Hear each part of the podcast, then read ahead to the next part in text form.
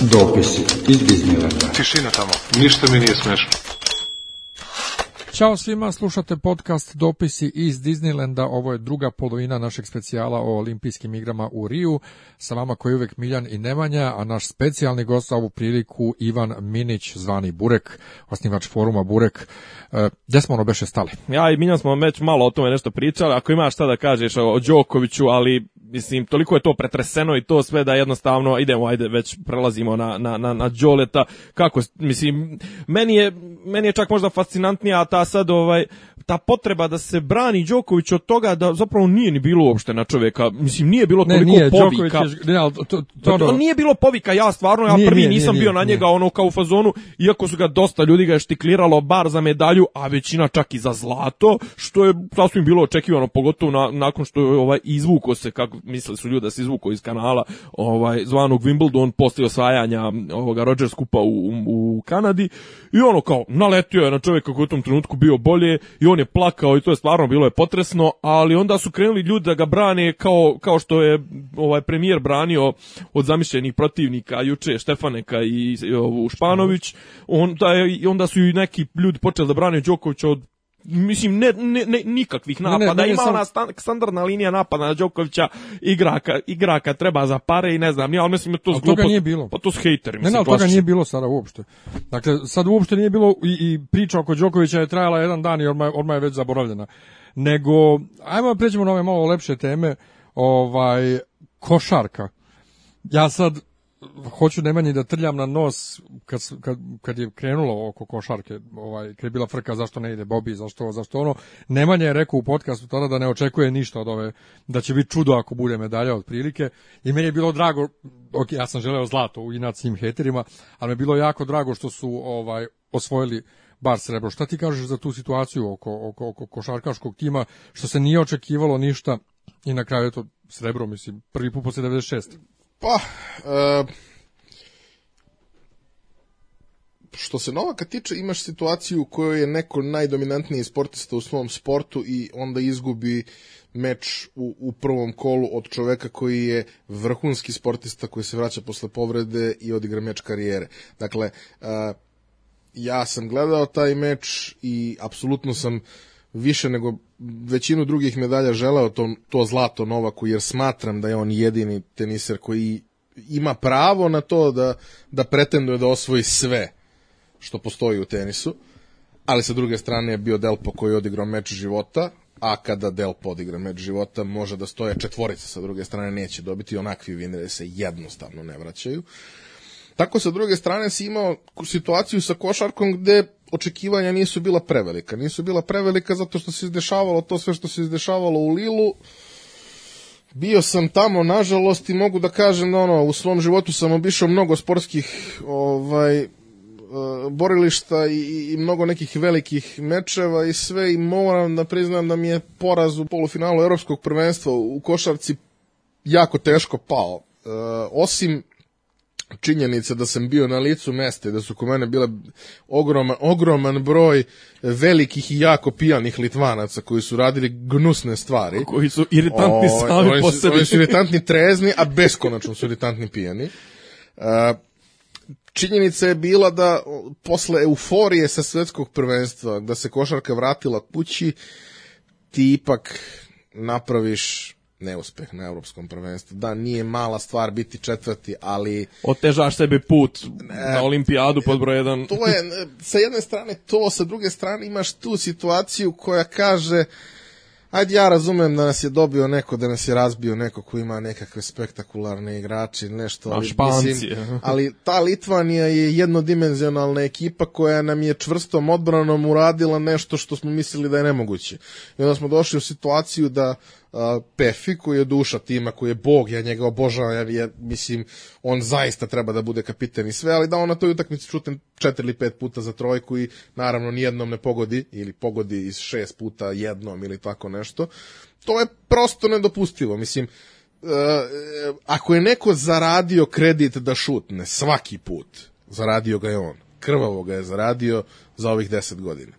A, ali u takvoj situaciji jednostavno nisam siguran koliko možeš sebi da dozvoliš taj luksus, da ti se utakmica celo vreme lomi pola koša koš ili, ili dva i da ti nemaš rešenje u napadu. A nemaš rešenje u napadu zato što ne možeš da spustiš loptu na centra, jer si poveo od centara samo Raduljicu, koji je u tom trenutku i kondiciono bio relativno Tanak. tanak, Yes. a sa druge strane, mislim, Raduljica je neko ko može vrlo lako da se isprovocira da napravi veliki broj ličnih grešaka brzo. Da.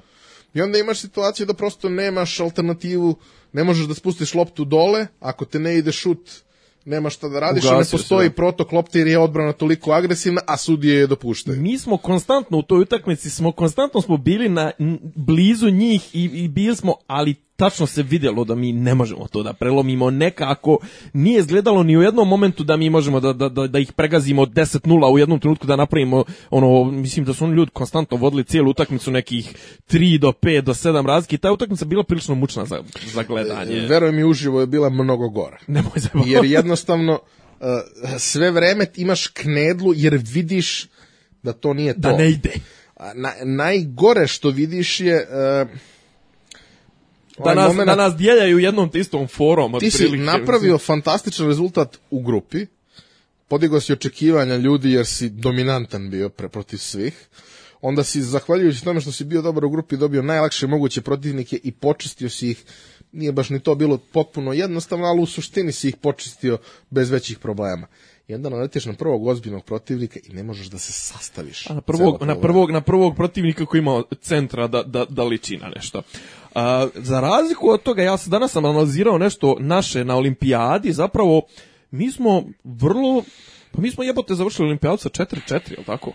Četiri pobjede, Da. četiri poraza, A- ali strateški dobro raspoređene pobjede. A, pazi, e, Deko je povlačio paralelu i ona je vrlo zanimljiva. Potpuno identičan scenarij se desio kao na svetskom prvenstvu. Da, Potpuno sam- identičan. Pazi, to sam čak ja koji ne pratim sport rekao, zašto je ova utakmica protiv Amerikanaca potpuno ista i to sam Ne samo da utakmica protiv Amerikanaca, nego cijeli put. Ali konkretno Da. utakmica protiv Amerikanaca je preslikano finale sa svetskog prvenstva. Ali- Krenu malo dobro i odjednom kao da neko pritisne dugme ili baci neku mađu gde oni se zaglupe, padaju, gube loptu, Nije ne mogu toliko, da dodaju. ne pazi, Amer, Amere je u Ma- finalu svjetskog prvenstva ih je prvo Kenjo šut. Ne, ne, ne, da stani, stani. I sad nisi gledao utakmicu. I dobro, sad ih je šut. gledao sam drugu Ne, ne, i sad ih je šut u Kenjao. Dakle, Ne, ali ne, ovdje ih je krenuo ne, po ne, ali potpuno na stranu to što Amerikanci svaku trojku pogađaju.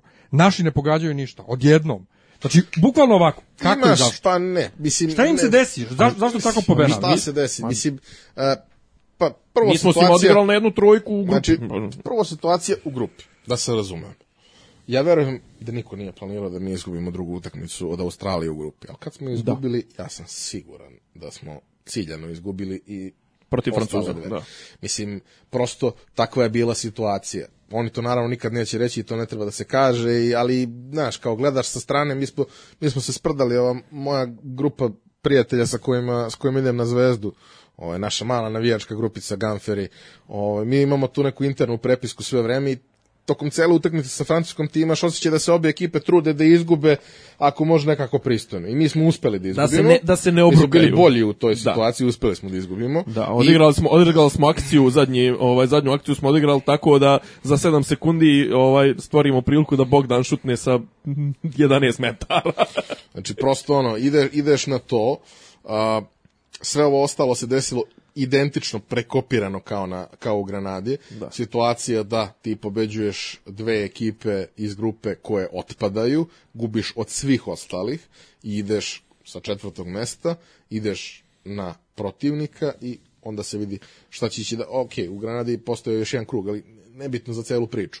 A, ono što, što je e, najbolji e, indikator e, kakva je promena u, u glavi ljudi koji su bili deo tog tima nastala je utakmica sa Australijom u kojoj Mislim, ja sam napravio tu ilustraciju tu na, na, na, na, plazmu, kutiju plazme sam nalepio kengura i napisao te neke ispise, ovaj, da to izgleda kao mleveni kengur umesto mlevene plazme. I Ja su to posle ljudi svi živi šerovali, nisu potpisivali čija slika, od čega ja ima posebno pizdim na, na na malo, malo ćošku negde piše Ed Burek. Ovaj, između ostalog imao sam slučaj da, da me jedan eh, Facebook prijatelj zbog toga taguje u nekom postu i da kaže da sam eh, podstrekivao nasilje nad životinjama i tako dalje. Sam ja rekao, dobro, okej, mislim, šta Šta, god. za razliku od Crnogoraca i Mljevinog Đetića.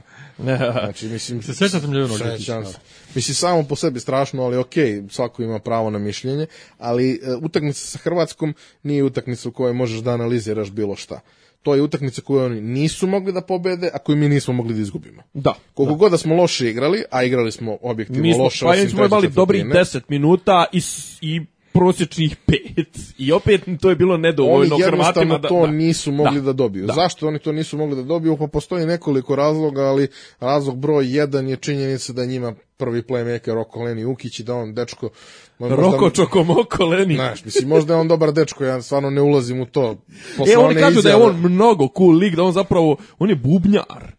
On je bubnjar i Ćale mu je neki rocker i nemam pojma, je ono kao splitska ekipa, To ne je znam skroz okej, Ma i da. Jović mnogo lepo svira gitaru, Da, ali naravno. znaš kako, ono, I kažu da Savan crta, Savan crta kao, kao tri umjetnika Savanović. savant. Kao savant, da. da si... ali prosto nije u skladu sa kvalitetom ostatka ekipe. Mislim, uh, i taj isti uh, Aca Trica je pre, prve, pre uh, igara u jednom trenutku negde rekao dajte mi Teodosića, bit ćemo prvaci sveta što je, mislim, činjenica, njima samo to fali, sve ostalo imaju i svi ostali igrači su im ozbiljno pismeni, Al džaba. ali jednostavno Dobro, oni to- nemaju, oni nemaju keca, nemaju peticu i to je... Zna Oni se šta to je, nisu mogli dobiti. Zna se šta je Ali- kičma tima u svakog onog trenutka kad smo mi prelomili tu uh, kad smo prelomili tu utakmicu, Mentalnu barijeru, Znači kada smo prošli to uh, osim činjenice da kažeš sebi jebote, sad smo u borbi za medalje. Znaš kao, Da, kad uzmeš u obzir da je zapravo da je sve počelo, nije sve počelo, nego da smo prije godinu dana bili u frci da moramo da iskeširamo 2,5 miliona da bi uopšte organizovali jebeni ovaj, da je uopšte bilo upitno da li ćemo otići na olimpijadu, pa smo platili da ne naletimo na Francuze, tad su bili u igri Italijani i Grci, to e, ali bilo je to. uh, uh, ako se ja dobro sećam, Mhm. sad ne mogu da tvrdim da sam znao pripremio bi se, ali uh, ja koliko se sećam, mi smo postavljeni za nosioce. Tako da ih mi nismo mogli dobiti nikako. Nismo mogli sve od njih. Nismo mogli dobiti Francuze, Francuze i Italijane. Italijane. Da. Ali smo mogli da dobijemo... A zar nije bilo kao u fazonu ko je domaćin on i noslac? Ne, ne, nije. ne, ne, ne. Prvo su određeni nosioci Da, da, da. i e, nama je moglo da se desi da imamo težu, težu grupu sigurno, ali Dobro. e, u kontekstu onoga što smo pričali o, o, o neulaganju u, baz, u bazu za, za sve sportove, da ti daš ako se dobro sećam cifre na kraju 3,2 miliona eura da napraviš e, turnir e, kvalifikacioni 5 dana gde su tribine poluprazne jer su karte toliko skupe da ljudi nemaju para da ih kupe. Mislim, ja sam relativno imućan čovek, radim stvari koje se jako dobro plaćaju, pa je meni bilo onako malo malo mi je bilo poskupo da, da, da. dam 100 evra za sebi, da dam 100 evra za još nekog koga bih vodio ko, realno te pare nema, jer radi za 30.000. A, to mi je onako malo mi je to degutantno. Ali, uh, ok, desilo se, organizovali smo turnir, osvojili smo ga prilično lako da se razumemo, na tom turniru košarku profesionalno je igrala samo još eventualno ta Češka i oni su prilično onako podbacili, to ni na šta ličilo nije. Uh, Porto Riko, pa mislim, Ma jasno. Angola, jednostavno Porto Riko jeste, oni su neprijatni, nezgodni, ovakvi i onakvi, ali brate imaju po 40 godina. Ovaj, I dolazimo tamo i sada to se prolazi tako kako prolazi, mi dolazimo u borbu za medalje, imaš priliku da pokažeš sve što umeš. I, I e, pokažeš, jebote, protiv se- Australije, mislim. se e, ljudima koji su doživjeli moju ilustraciju kao nasilje nad životinjama, ali ono jeste bilo nasilje nad Australijom. Znači da ti do, dozvoliš sebi a, da odigraš, da, da tako odbranu odigraš da oni u dve četvrtine e, daju jednocifren broj poena. Ja to u svojih 25 godina gledanja košarke nisam video. Dakle, Da, na da, tom nivou taj kvalitet. odbranu. Ne, Takva odbrana je bila to odigrana prvo te poluvreme, dve četvrtine. Da, 14 poena su nam Znači, ta utakmica je završena na poluvremenu. Ovo ostatak je bilo otaljavanje da ne bude... Štimac je dao više poena nego onaj što je proveo celu utakmicu. Bogu treće ili ko.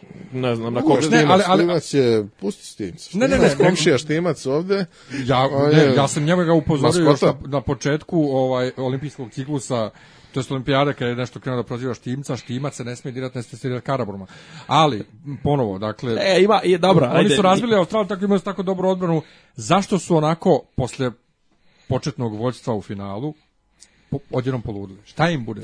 Mislim da nisu poludeli. Ono što, što se desilo... Uh, mislim da je... Da, Pa to se uvijek je desi protiv Amerikanaca, odnos, uh, pa, Amerikanci su najočigledniji primer takve košarke, ali uh, ono što je uh, Saša kao trener sa pomoćnicima koje je imao uh, je po meni u startu postavio dobro celu priču.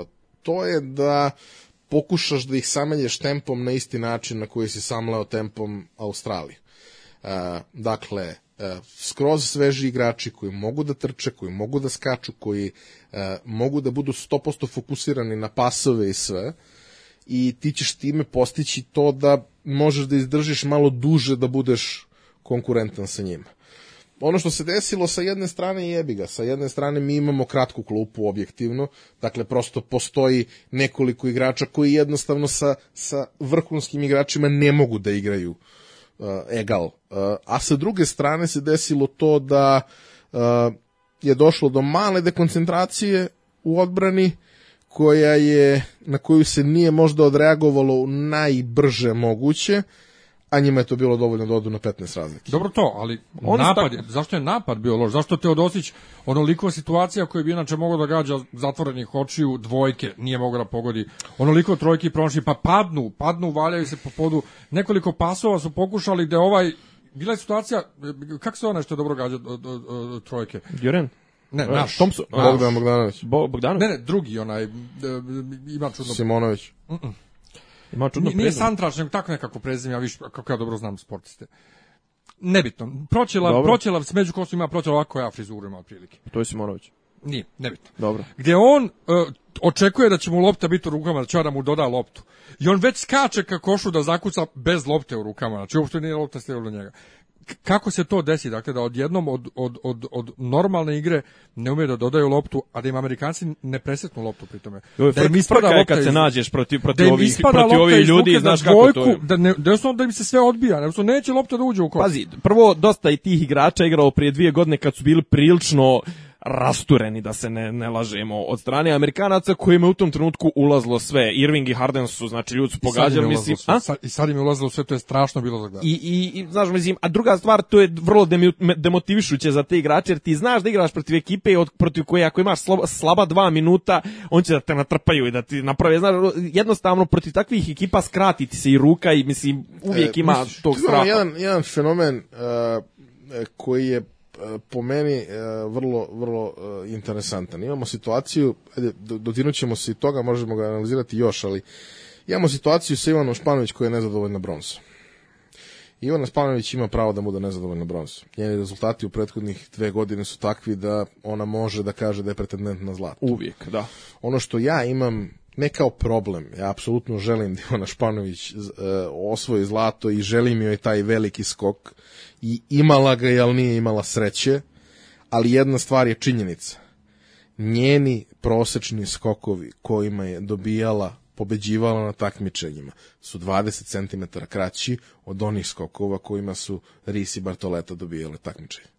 Dakle, Ivana Španović može da osvoji zlato samo ako njih dve ne skoče onako kako treba. Što je moglo da se desi. Da. Ali se nije desilo. Desilo se za Ris. Ona je skočila mnogo slabije nego što je njen potencijal. Da, se ona razumemo. može 7.30, Mislim, da. meni je mučno da gledam kako ona skače.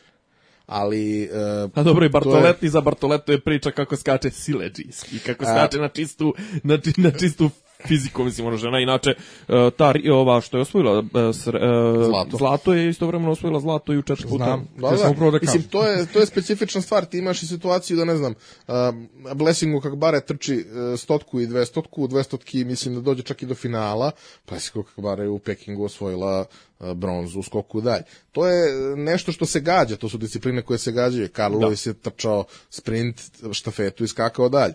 Uh, ono što, što nedostaje uh, skoku u dalj trenutno, gde je situacija prosto jako loša i kod muškaraca i kod žena, to je činjenica da su jednostavno rezultati katastrofalni odnosu na ono kako je nekad bilo. Te discipline su u krizi. Kao što Pa, je i skok u troskok- vis. i troskok je u krizi. I- ali ne toliko je. Da. Ali ne toliko. I Ja, sada znaš, se- ko, su, znaš ko je šta je još u krizi, čoveče, vidio sam srednje pruge, bre, s, e, takmičenje na, muš, muško takmičenje na 1500 metara, bre, rezultat je bio bolji za 700 tinki finala od svjetskog rekorda za žene. Imali Znači, su, e, ta- sad se neću setiti, ali u nekoj od tih disciplina gde je, gde je vreme 4-5 minuta, 3 Mhm. minuta, 30 sekundi su bili slabiji od svetskog A rekorda. ovde su imali, znači Moguće da je- 4, moguće da je. 4.26 e, re- rekord na 1000 i po ovoga, ne, Hišom Elge Ruža, znači osvajalo se zlato sa 4.50, e, sa 4.50, a 4.26 je svetski rekord. 25 sekundi slabije od svjetskog rekorda se trči na 4, na 4 kruga, ljudi, na manje od 4 kruga, to je 6, 6 Znači, Rezultat koji je Stekić skakao pre 45 godina 8.45. je dovoljan za medalju sada na svakom takmičenju, što je strašno. Mislim, nemam ništa. To znači da nije evoluirala disciplina. A, disciplina je imala veliki Imala. skok, zatim imala veliki pad. A, ono gde, e, recimo, slična stvar se dešavala jedno duže vreme sa skokom u vis, pa smo imali situaciju da Dragutin Topić slučajno se kvalifikuje za London, iako se povukao. na Bajnovoj takazari čuveni mitinzi u Bajnoj bašti gdje se postižu Znači, čovek legendarni slučajno se kvalifikuje za London, zato što je jednostavno disciplina bila u velikoj krizi i slabi rezultati su se ostvarivali iz godine u godinu. Ono što je nekada bio njegov juniorski svetski rekord, odnosno i danas je juniorski svetski rekord, je danas takođe dovoljno za zlato. Imam pitanje za tebe. Da li ti misliš da Amer rade posebno psihološku pripremu, jer je fascinantno koliko njihovi sportisti u ključnim momentima daju svoje na maksimum. e, Postižu, Apsolutno. Po, jer, Mislim- mislim, koliko je to bitno da ne pričamo o plivanju, o Phelpsu, o Katie Ledecki, o ne znam, ja, samo govorimo o ove dvije ribe koje su apsu, za, s kojima je Španović mogla komotno, mislim, i stalno im izlazi na crtu i stalno ih dobija, na ne, ono, im- mislim, dobija ih, ali može da ih dobije u nekom određenom, e, kako da kažem, sklopu okolnosti, ali znači ljudi tempiraju formu i to smo o tome smo pričali zašto neki naši tempiraju formu za evropska prvenstva dok u nekim određenim savezima olimpijske igre su vrh, a sve ostalo je U svim savezima su olimpijske igre vrh, ali u nekim situacijama je malo, malo se drugačije postavljaju stvari. Evo, kažemo ovako, zašto sam ja uopšte prešao na Španovićku sa košarkaša? Ajde slobodno. Prešao sam na Španovićku sa košarkaša iz, iz jednog razloga. Ivana Španović može da osvoji zlato pod uslovom da dve druge takmičarke ne ostvare rezultate za koje su sposobne. Da. Košarkaška reprezentacija Srbije može da dobije Amerikance ako odigra maksimalno dobro, a oni podbace. Dobro.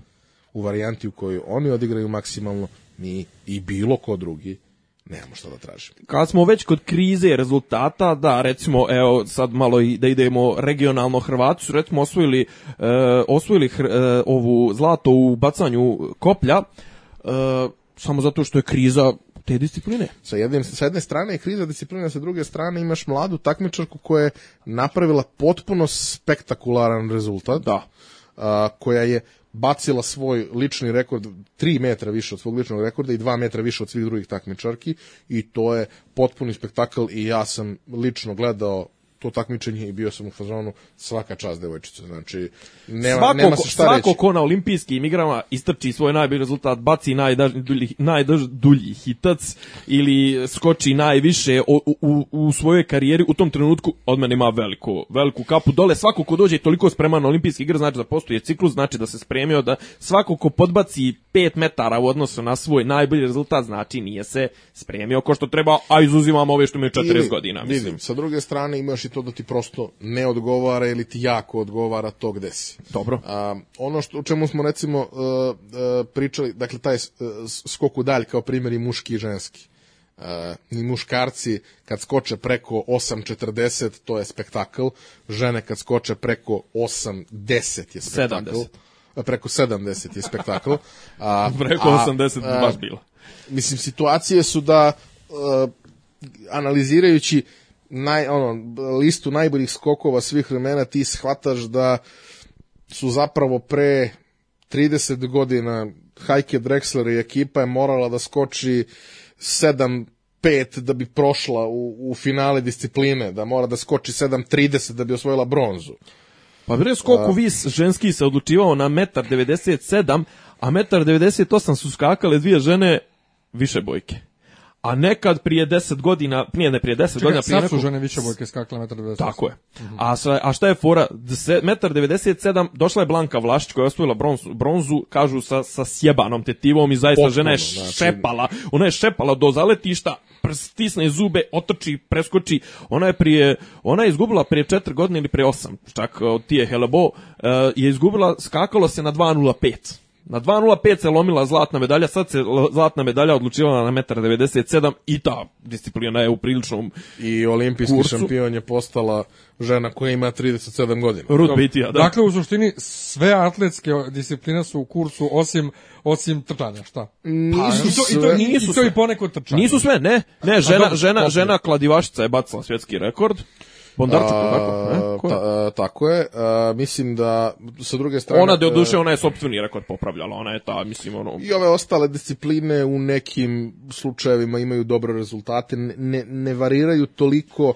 A, Meni, Ima vrhunskih sportista koji ostvaruju rezultate bliske rekordima.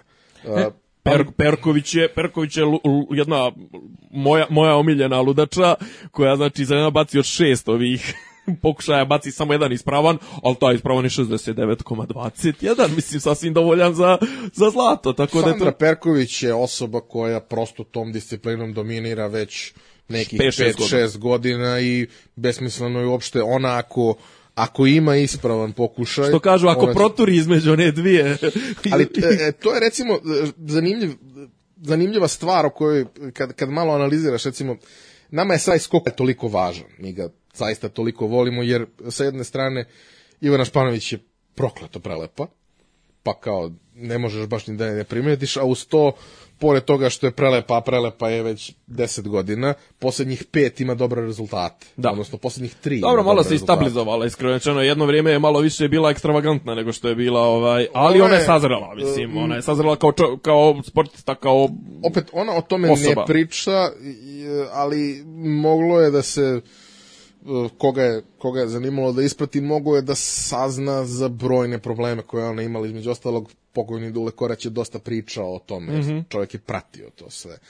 I e, iako je ona bila taj e, e, prvi, najsvetliji primer našeg sportiste turiste na olimpijskim igrama, Ovaj, e, ona je neko ko je od tada na ovamo zaista, zaista napravio drastičnu razliku. Tada je razrešila te neke probleme koje je imala zdravstvene, našla je nešto i zaista napreduje iz, iz dana u dan i ona zaista ako dođe do toga, dakle njen skok koji je bio neispravan procenjuje se da je bio oko 7.24, e, ona će to skočiti. Ja sam siguran da će ona to skočiti. Nekad, da. E, kada skoči, to će da bude zaista, zaista velika stvar. Koliko je dugo putovala do 7, koliko je malo sada od 7 treba do 7.30, a, mislim, mislim da su pred njom još neke jako dobre stvari.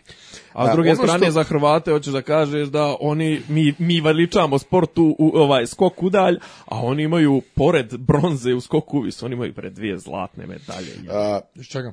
Pa u atletici. atletici. Ne, ne, iz čega? Iz diska, iz diska i diska i iz, koplja. iz koplja. Ta mala, A- za 22 godine.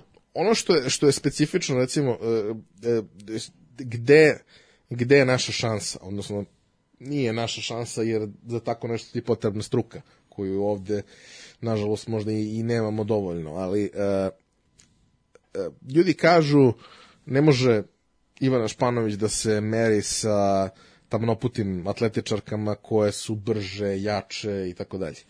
E, U skoku u dalj najbolje rezultate su ostvarivale bele takmičarke od uvek i to će vrlo verovatno još jako dugo biti tako.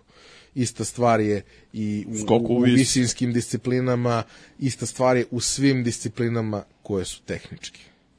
Jer e, da bi se izveo pravilan, zaista pravilan skok, uh, to je jako kompleksno. Uh, naročito da bi si više puta u kratkom periodu izveo pravilan skok. Tako da šansa u tehničkim disciplinama je upravo to, ovladavanje tehnikom na jednom maksimalnom nivou, a zatim, zatim svime ostalim. A, Ivana je došla dotle. Ono što često kada, kada uh, analiziraju skoku dalje, i sada je to moglo da se vidi uh, kod većine takmičaka, i Nemice, postoje dve Nemice koje su Afrikanke. Uh, postoje... Jungfleisch. Ne, nemoj dirati koleginicu, ja sam morao da konstatujem da je ona najlepša takmičarka u skoku u vis. I nekoliko, Marija Jungfleisch, a inače polu, polu crnkinja. Mlado meso, što kaže moj kolega koji razume nemački, ja nažalost ne razumem dovoljno. nema šta, Ovaj. nema šta, nema šta ti tu da Ovaj. razumiješ. Ne, ja samo kulutam očima, zašto je najnormalnija stvar ovaj, ima, i- u, Njemačkom govornom području. ne u Njemačkoj samo, nego u bilo kojoj reprezentaciji u normalnoj zemlji gdje je stvarno mul- multi, ovaj. Multikulti. Ne, ne, meni zbog Prisutna prezimena. Ne, ne, ne, ne zbog toga, meni zbog prezimena. Pa, ali vidiš, meni to sa mojim njemačkim mozgom ne izaziva nikakve asocijacije. Pa dobro, ako imaš kod nas ljude koji se prezivaju Guzina ili ne, Ne, ne, znam, ja zato što u mislim- njemačkom to Jungfleisch ne, nema tu asocijaciju mlado meso kao kod nas uopšte. Pa Tako dobro, da to u je... redu, to je u redu. To je u ja. redu i oni da su je videli ko zna kakvu bi asocijaciju imali.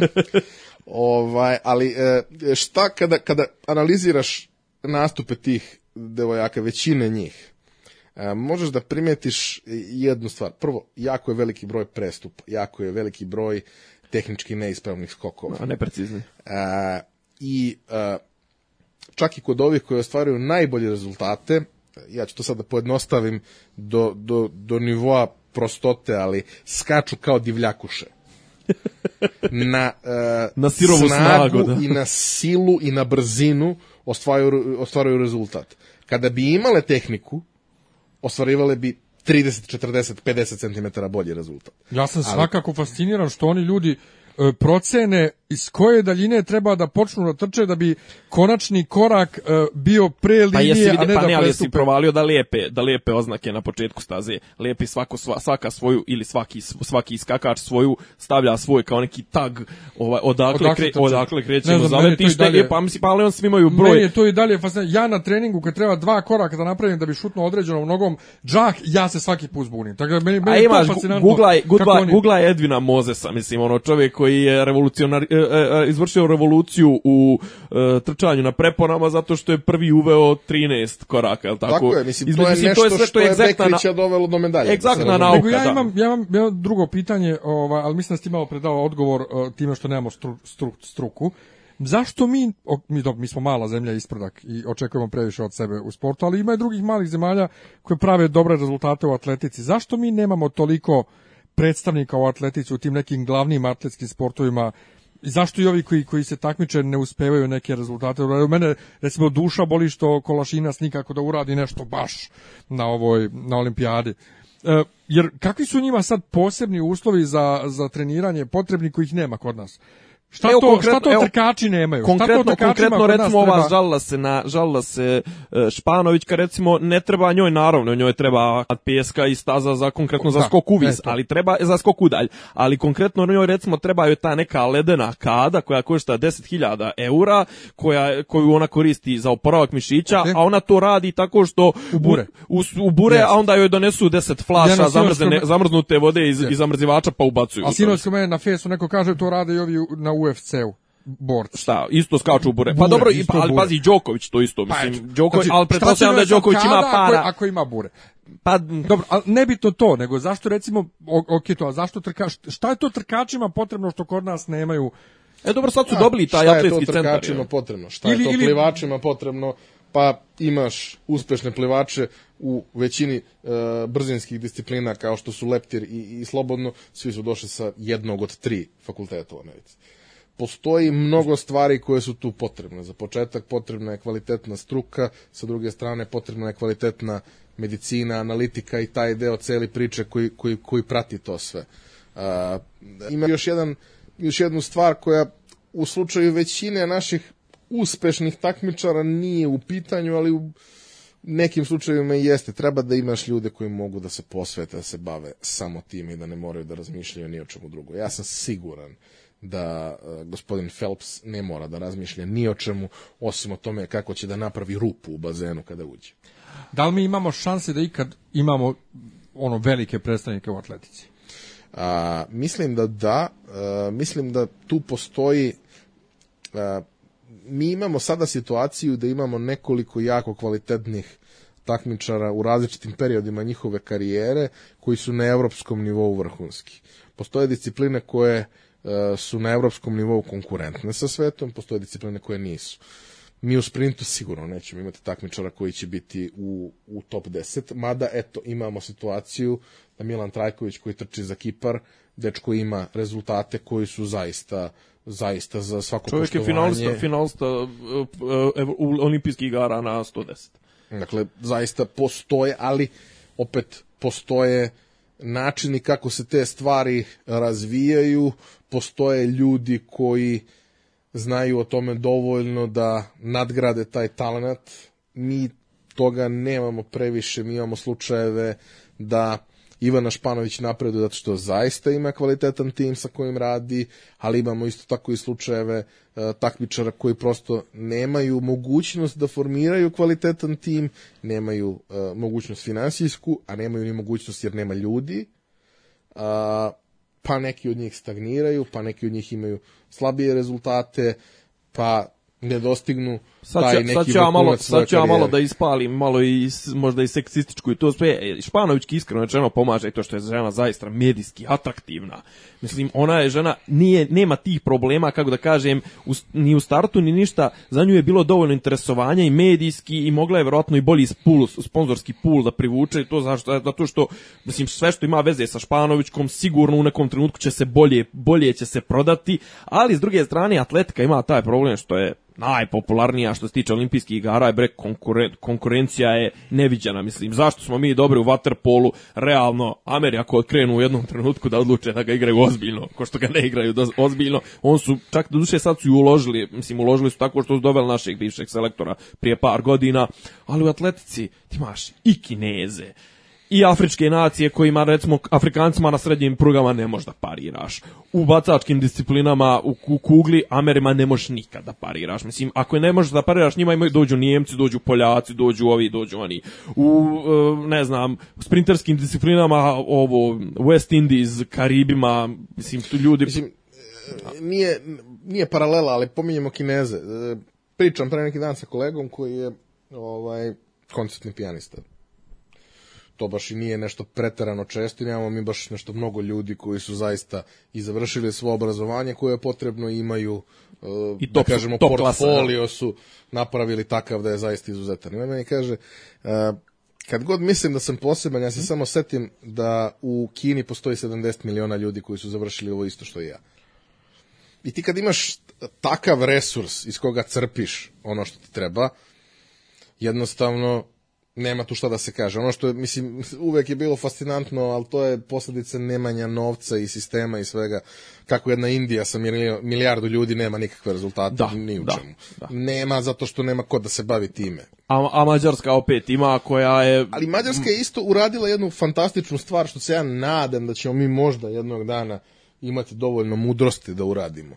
A to je fokusiraš se na one stvari za koje si, do kojima si dobar, za koje imaš predispozicije. Dobro, sad je to je pitanje vrednovanja konkretno olimpijske medalje. Mislim, Mađari imaju olimpijske medalje u, možda u sportovima koji bi kod nas bili predmet za jebancije, kao što su mačevalaštvo ili ne znam, e, njihov- ekve, ovaj konjički sportovi, ali mislim Mađari za konjičke sportove konkretno imaju tradiciju kakvu mi nikad nećemo imati. Njihove medalje dominantno donose uh, plivači, vaterpolisti i kajakaši. Da. i veslači. A, Dalma Benede Kružičić vesla, vesla za reprezentaciju Srbije u kajaku samo iz jednog razloga.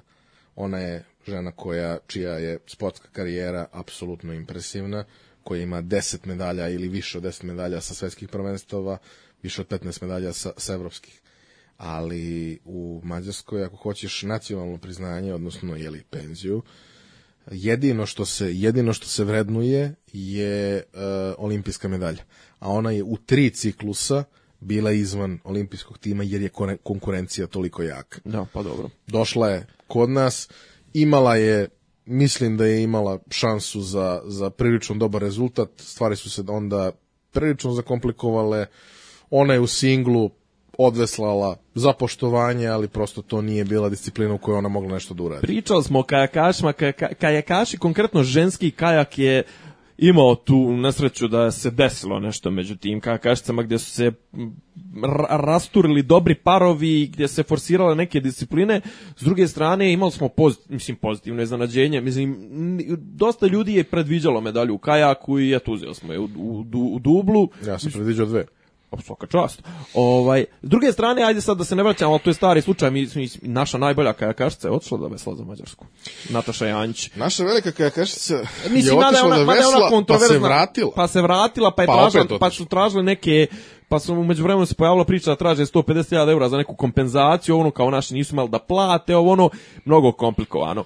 E, znači, ja koša- sam pročitao njenu izjavu, pošto mene to jako zanimalo, jer mislim da je to prilično čudna situacija. Ona je i ovim igrama učestvovala, nije na kraju došla do medalje, ali mogla je da dođe pod, do medalje. pod zastavom Pod zastavom Mađarske. Mađarski. Čekaj, zar nije bilo neke priče, ne, njoj Brazer trebao da vesla za Hrvatsku. Njeo je Brazer vesla. Vesla za Hrvatsku, da. Ovaj, a, ona je e, prešla da vesla za Srbiju a, sa svojim posinkom. A, veslala je nekih šest meseci za Srbiju i vratila se u jednom jedinom intervju koji je dala za večernje novosti. Um, prilično šturo opisuje sve to, ali u jednom trenutku kaže uh, jednostavno, ja jednostavno ne mogu da funkcionišem u ovakvom sistemu. Uh, nakon dovoljno rečeno. 15 godina savršeno uređenog sistema, jer tamo je kajak, znači, da se razumemo, Nataša Janjić je tri puta proglašavana za sportistkinju godine u Mađarskoj, a, i e, dva puta za sportistkinju godine, a tri puta za najbolji sportski tim sa e, ovom partnerkom njenom, koja je... Katalin Kovač. Tako je, Katalin Kovač. A, I to, to je prosto situacija gde je tom sportu podređeno sve. Dobro. Ti imaš apsolutno sve uslove. A, situacija sa našim e, kajakašima je daleko bolja nego što je bila, ali to jednostavno Nisu nije iste kategorijama, naravno. Jednostavno nije isto. Uh, ona je mislila, tako, su je, tako je bilo obećano, verovatno da će dobiti uslove koje je očekivala, ispostavilo se da to baš i neće biti tako i da to baš i nije tako. Ona je vesela na par takmičenja, između ostalog osvojila jedno zlato na, na nekom mitingu u Portugalu za Srbiju i nakon toga rekla, izvinite ljudi, ja moram da se vratim, jer ovo ne vodi nikud. Ajde ovako da probamo da, da, da svedemo. E, ko, je, ko je pozitivno za tebe od naših? Meni su, meni su konkretno po, po prikazano, meni su odbojkašice na, dale maksimum odbojkašice su završile sa šest pobjeda i dva poraza, imale su jedan poraz u grupi od Amerikanki koji je sasvim očekivan bio, ali posle toga su pobjedile, Ruskinje pobjedile, Izgubila su od Holandije. I su, da, izgubile su u meču koji, je bio koji je bio, to. da. Ova, ali pobjedile su Ruskinje, pobjedile su Amerikanke, što je bilo fascinantno. Finale jebi ga, mislim, dešava se i to sve, ali po, po nekako prikazanom, ne, najpoštenije su odradili i najpoštenije su zaslužili tu ono ni, ni, ne možeš da kažeš ni da im je žeb išao na ruku ne možeš da kažeš ni da su onaj da je nešto sada da su kalkulisali to jednostavno ne, mož, ne možeš im zamjeriti ni, ni na čemu nisu imale čak ni slabu partiju osim možda eto donekle u finalu A, Mislim, meni su one, Ja- kažem, meni su one po, pozitivno iznenađenje, a na stranu, mislim, to je neko čak pozitivno iznenađenje, nego neko ko je zaista ovako dao sve od sebe i dobro se sve poklopilo. Možda najveće iznenađenje su možda košarkašice. Po, po rejtingu protivnika koje su dobile pogotovo ono utakmica protiv Australije, jednostavno i posle toga da se saberu naši što nam nije onako jača strana našem sportu, da se poslije onako ne, loše partije protiv Španije se ipak saberu i da utakmicu za treće mjesto odigraju baš onako dobar reset jedan, da imaju to mi je možda i druga stvar mi zaista od, od, koje od 88. od Anđelija Arbutine što kaže ovaj Šarenac Šarenac se ne sjeća, ne sjeća se ko je Komšija Šarenac. da, ovaj, znači mi 20 i, i 20, ono, Osam 8 godina ne, smo, nismo na mapi onaj olimpijskoj u, u ženskoj košarci da osvojimo, to mi je pozitivno iznenađenje. A kažem ono, A, najveći žal uh, kada je timski sport u pitanju imam zbog toga što odbojkaši nisu otišli na olimpijske. Ah. Jer smatram da Su mogli. su mogli jako daleko i da su dovoljno sazreli sa Nikolom. Mislim, Nikola još uvek nije veliki trener, ali je Nikola verovatno najveći um koji je Najveći poznavalac odbojke svih vremena, da. A, najveće srce je njegov brat, sigurno. Da. Ali najveći um koji je igrao tu igru je verovatno Nikola. I siguran sam da on ima dovoljno mudrosti da iznađe put i da naprave rezultat, iako substanca više nije onoliko jaka kao što je bila. Ja mislim da će on da uvede A- neku, da će da, da izmisli neku revoluciju od, u, kao trener u odbojci, ja to je predodređeno. misliš najveći um uh, u sportu uopšte svih vremena ili kod nas? Ne, u u odbojci. odbojci. Ne, ne, u odbojci. Svjetski, svjetski. Apsolutno. Zanimljivo. Uopšte, za, zaista, mislim, a, Jesi gledao, izvini, jesi gledao žens, ženske naše protiv Amerike? Mislim, odboj šta gleda. E, njihov trener se smatra najvećim igračem, ovaj, e, kako njega zovu, njemu je pravo ime inače Karoj, Kiraj, ali ga zovu Kar, Krač ili tako nekako. Ga zovu, znači njihov trener se smatra najvećim igračem odbojke svih vremena, zato što igrao i beach volley i igrao i ovo, američki. Američki, Američki okej. je koji inače poreklo Mađar. Ovaj, tako da, e, znači on je, ali po meni, kad se bude pisala istorija odbojke za jedno 5-10 godina, Nikola će ono jedan od najvećih. Još nije sazrelo možda, znaš, ono nije fora da čovjek koji je završio karijeru prije par godina da ga proglašavaš najvećim, ali po meni on, a, znaš kako, e, u nekim recimo istraživanjima koja su, koja su vršena, a, ako bi proglašavali igrače najvećima na osnovu priznanja koja su dobili tokom karijere i svega što su osvojili, e, Ivan Miljković je najveći igrač svih vremena. a dobro, i, Boba, i, Boba, i siguran. Boban Nikić je najtrofejniji vaterpolista, realno Dobro, ali da se razumemo, Ivan Miljković je apsolutno spektakularan igrač i neverovatna karijera. Ivan Miljković je ono što je našoj odbojci nedostajalo da se popne na najviši spo, e, stepenik. Dotad smo mi imali I ono bronza, što je držalo odbojku na najvišem stepenu. Tako je, A, i dugo je trajalo i sve to, I on je ono, ono što je, što je vrlo tu karakteristično u svim tim uspesima je bio Nikola. Da, da, od 95. do... Ja sam trenirao odbojku, igrao sam na politehničara i krenuo sam da igram zbog Vladimira, a nastavio sam da je volim i pratim zbog Nikole. A, žao mi je što oni nisu otišli. Sa druge strane imamo tu situaciju da su devojke otišle. Devojke su u Londonu uh, osvojile ukupno tri seta. To je bilo nešto najmučnije za gledanje u, u mojoj karijeri gledanja odbojke, a ono, od osnovne škole sam išao da gledam poštar Pa jedin. pazi, nisu one ni u Pekingu proslavile, da se ne lažemo. U Ok, Pekingu ali je bilo nisu bile drugačije. ni da. favorit. Da. Ovde su došle sa prilično visokim očekivanjima u London. Da, da. A, sada u Riju opet nisu došle sa nekim preterano visokim očekivanjima, ali ono što je fascinantno, a, u Londonu su one izgledale prilično raspušteno i one su izgledale, ne želim da uvredim, želim da ilustrujem, kao turisti. Bila je priča neka interna da su žene zapravo odale po kafanama i to sve, ne zamjerim im apsolutno, ali su djelovale prilično nezainteresovano. šta se dešavalo Ne, u bilo- bilo- kažu svi sportisti koji su bili tamo da su bile te neke nemile scene u kojima su se uh, odbojkašice drale na selektora, selektor se drao na odbojkašice i tu je bilo mnogo pretnji i ružnih stvari. Ostavimo London po strani, to se završilo tako kako se završilo. Uh, bilo je prilično prilično ovaj uh, slabo i ružno, ali je bitno da se kaže jer utoliko je ovaj uspeh veći.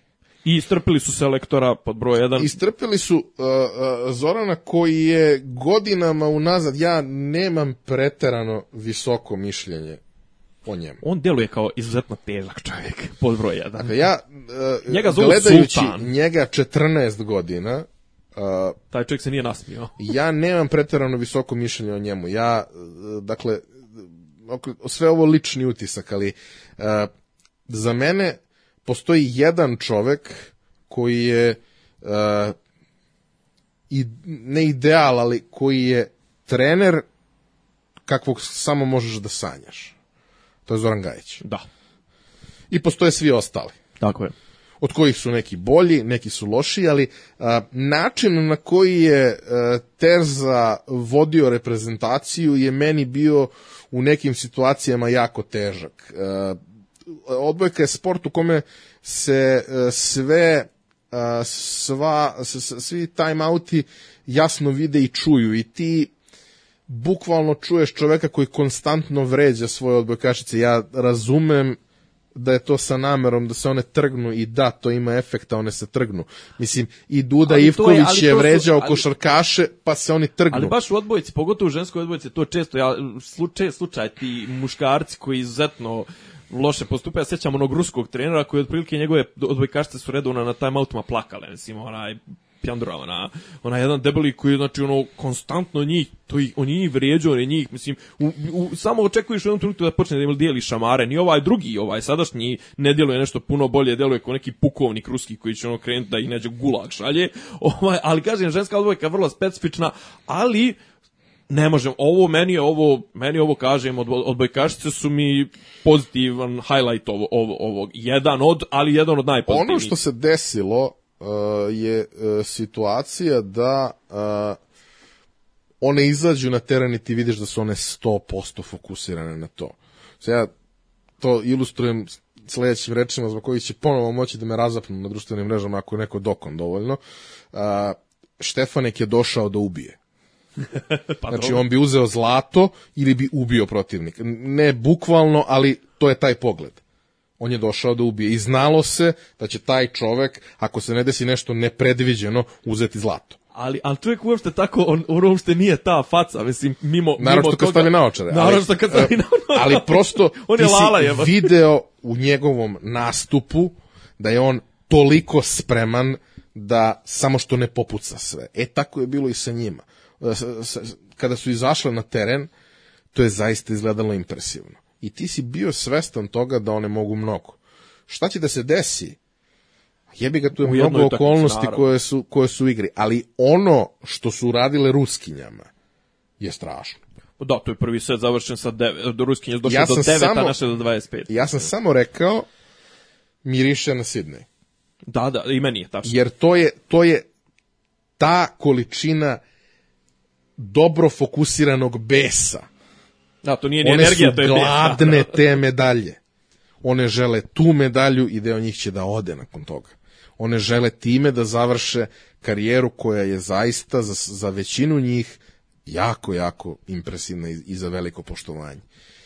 Imale su sve ono što su uradile protiv Amerikanki. Taj meč je bio spektakularan, predivan, beskonačno težak i ja mislim da ako nisam umro gledajući to, neću umreti nikad. Ali uh, Ja mislim, me, meni, me, ja inače rijetko kad plačem i to sve, ali mislim, poslije tog meča kad su krenuli, k- koliko su te žene plakale, meni je bila knedla u grlu. Poslije tog meča to jer je je to bilo... situacija, igraš protiv protivnika koji je dominantno bolji dakle, svakom pogledu. u svakom pogledu. Ali imaš tu situaciju da si konstantno tu. U nekim trenucima si ti mnogo bolji na terenu, u nekim trenucima si malo slabiji, ali tu si. U sve vreme si u igri. I dolaziš u peti set i stvari kreću loše.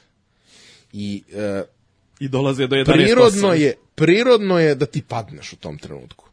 I one nisu pale i samo je bila stvar, ja sam dosta tweetovao, nisam mnogo, mnogo pisao po Facebooku, samo sam objašnja, obaveštavao ljude šta se dešava, ali tokom dešavanja svega sam tweetovao, imao sam ono, neki grupice ljudi s kojima sam se ono, dopisivao i, i pratio šta se dešava. Samo sam rekao jednu stvar. Daj im samo, samo im zrno jedno daj. Odgrišće celu ruku, samo im daj prst. I ove su im dale. Da.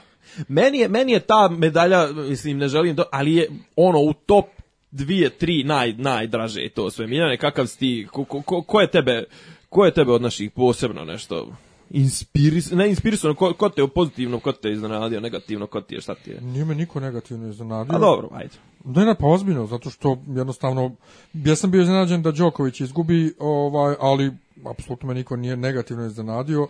Pozitivno smo iznenadili košarkaši, jer posle sve vike vaše, hejtera, stvarno nisam očekivao... Nije, ne, nisi, nisi shvatio, nije, nije bio ti si, hejt. Ti, si, ti si rekao bio da oni neće, da ti ne očekuješ ništa, no, nikakvu medalju, A n- da će bilo kakva medalja biti, biti ovo. Znači, tako Pa bilo, pa pazi, objektivno je bilo pogotovo iz razloga što smo otišli bez jednog od dva ključna igrača, otišli smo bez Bjelice. Ne, tako da me oni jesu pozitivno iznenadili, bilo Dobro. mi je drago, a me niko nije negativno iznenadio.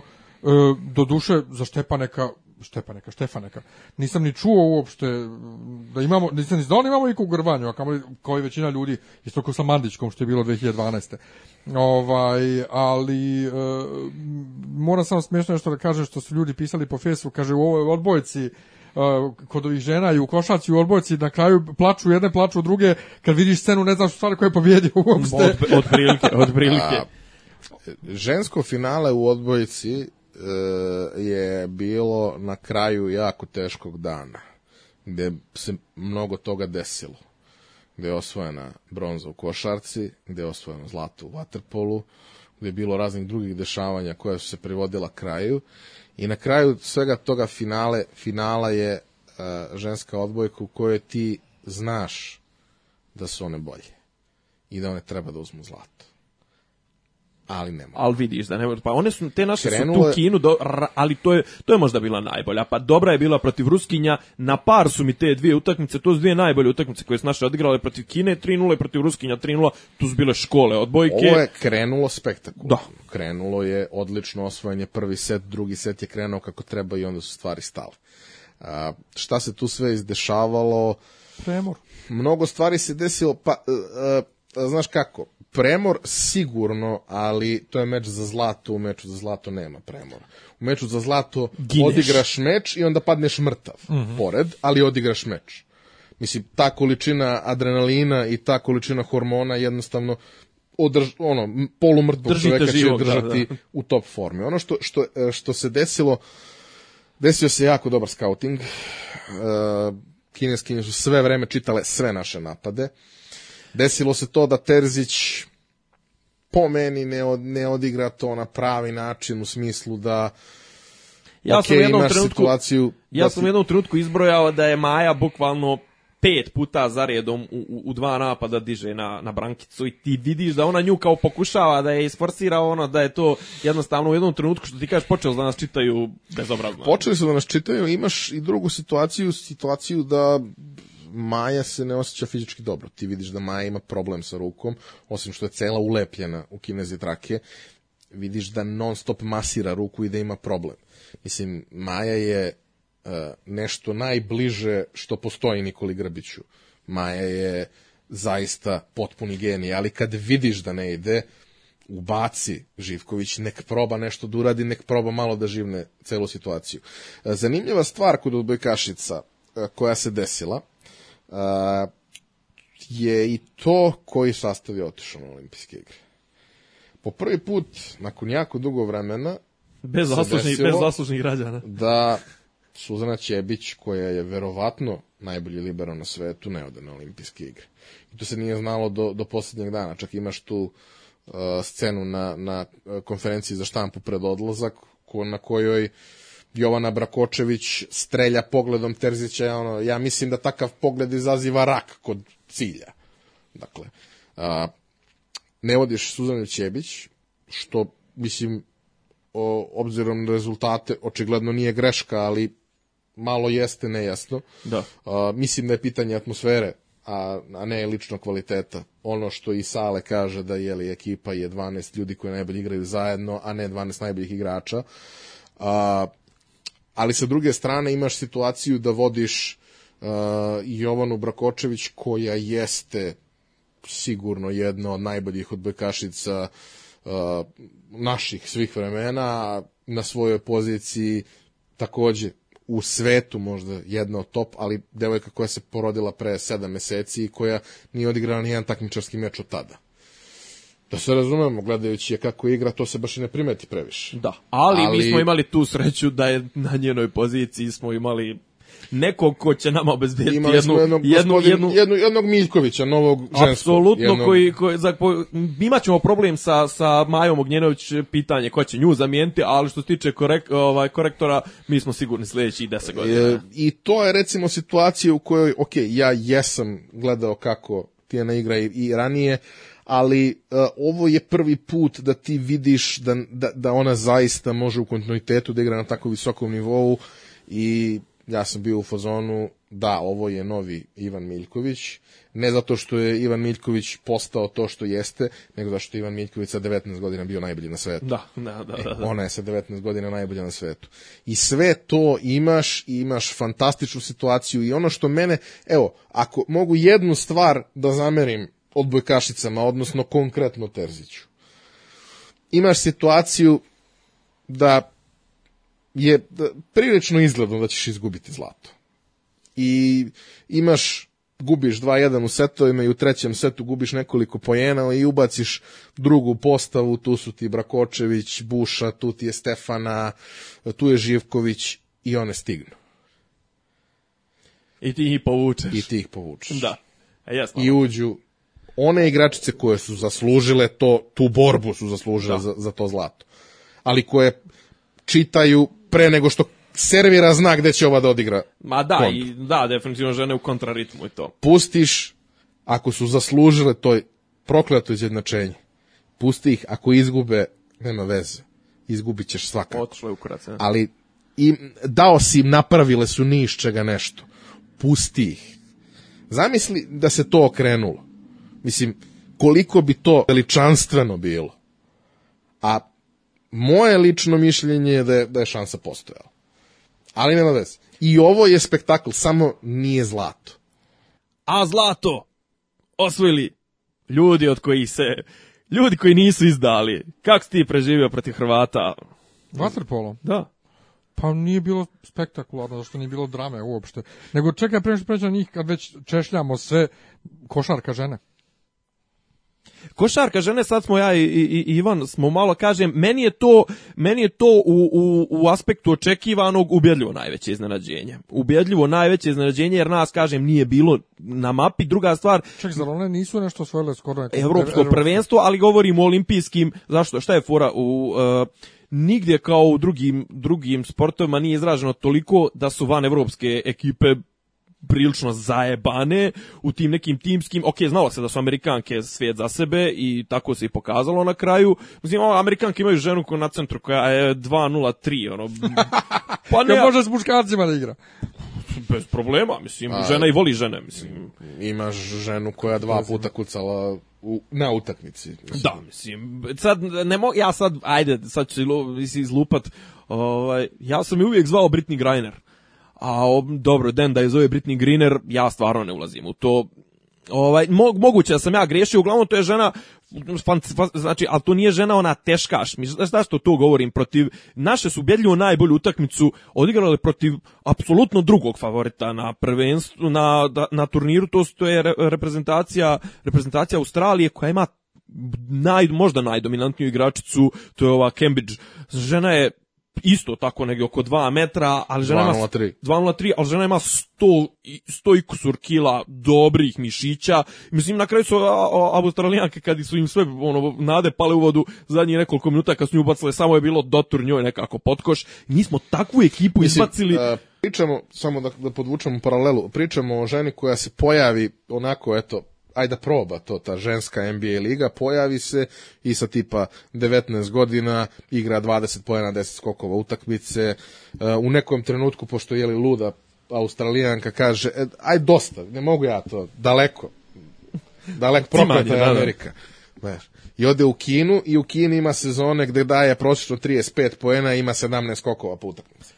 A, da, to je, ne, to je Mislim, nešto što to se ne čuva, prošlosti. to ne možeš da, da, da, da čuvaš. Ne može jednostavno. E, šta je fura? Tu nju je čuvala meni, mislim, od svih nas i možda najdraža naša igračica Page. Meni je Page tak, takav nivo srčanosti igranja za Srbiju. Ja bi, znači, njenu, njene utakmice i njenu sliku pokazivo svim ovim našim futbalskim pederima koji, mislim, brukaju se, znači, ljudi koji imaju korijene ovde, to ljudi onako se igra za Srbiju, mislim, ja, meni je Page, ja, ja, sam, ja sam konstatovao, ovaj, to je izazvalo vrlo velike pozitivne reakcije na Twitteru. Zamisli, zamisli da se rodiš u Colorado Springsu. I uprkos tome što si se rodio u Colorado Springsu da postaneš član najveće sportske nacije na svetu. Zamisli ti to. Kako je to jedna velika stvar. Što da se ne trudi? kako je- Porodice kako je na ona- tribinama u srpskim zastavama. Kako je, ka, da jebote, koliko je nju prosrala zapravo u životu, da, Colorado Springs, tamo imam neku familiju, onaj, znači, Ne, ne, ona... Page je apsolutno e, e, u situaciji kada je, kada je Page e, dobila Državljanstvo. državljanstvo i kada je se povela ponovo priča o tome kako e, Čistoća s- srpskog genotipa i to, ostalo. to, tuđe nećemo, svoje ne damo i to. Sve nemamo. Svoje nemamo. Pa, ali, pa, pa, ali to mi je hit, svoje ne damo, a Pešićev sin igra za Nemačku. A dobro, mislim, Pešićev sin, Dobro, to je- to Pešićev je sin rat. nikad ne bi imao mesta da zaigra za, reprezent, za B reprezentaciju Jugoslavije. Takva, tako takva, takva. grozno. Prosto je takva, pa prosto je takva situacija, mislim. Ti Pa godina, ali- pa ne, čekaj, Čekaj, ti, ali, nisu, ali nisu Nemci toliko loši Izvini, od nas da, zna- da, da, da on... Pa ali, da, na, njegov, ali na, bili. njegovoj, na njegovoj poziciji u tom trenutku s, u, u, u SCG igra Danilović, NPR, mislim. A Znači, koja je alternacija? Ne, nije Obradović, ne mogu da sjetim koja je alternacija. A, šta je, šta je tu, Page? e, meni, sa jedne strane, znači imaš nju koja, koja ne- ne- neshvatljivo e, emotivno e, doživljava to sve što ja apsolutno pripisujem Marini jedan kroz jedan, obzirom da joj je i bila trener i sve što uz to ide. Sa jedne strane imaš to, sa druge strane da po prvi put nakon duže vremena imaš e, ceo spektar u reprezentaciji na svim pozicijama imaš jako dobre košarkašice. Dakle, Sonja Petrović je klasa, Jelena Milovanović je klasa već 10 godina. Dabović, se- Ana Ana Dabović Dabović je izdigla- klasa. da, izdigla se. Milica Dabović je luda ko konj i ima neograničenu količinu energije i osim toga nema neku posebnu vrednost za ekipu, ali sama činjenica da ti imaš toliko energije na terenu Ona, i toliko ona je bitnija, ukradenih ona je bitnija, ona je bitnija za, za žensku reprezentaciju od štimca za mušku je. Znači, ona jeste energetski potpuno, potpuno fascinantna i onda imaš i sve ove ostale stvari, koje, e, sve ostale igračice koje to prate, koje su prilično, prilično ozbiljne u tome što rade. Imaš dobru situaciju, e, ali, ali ti se i dalje igra svodi na dva, dva i po igrača. Dakle, svoditi se na Anu Dabović, Sonju Petrović i Page. Da.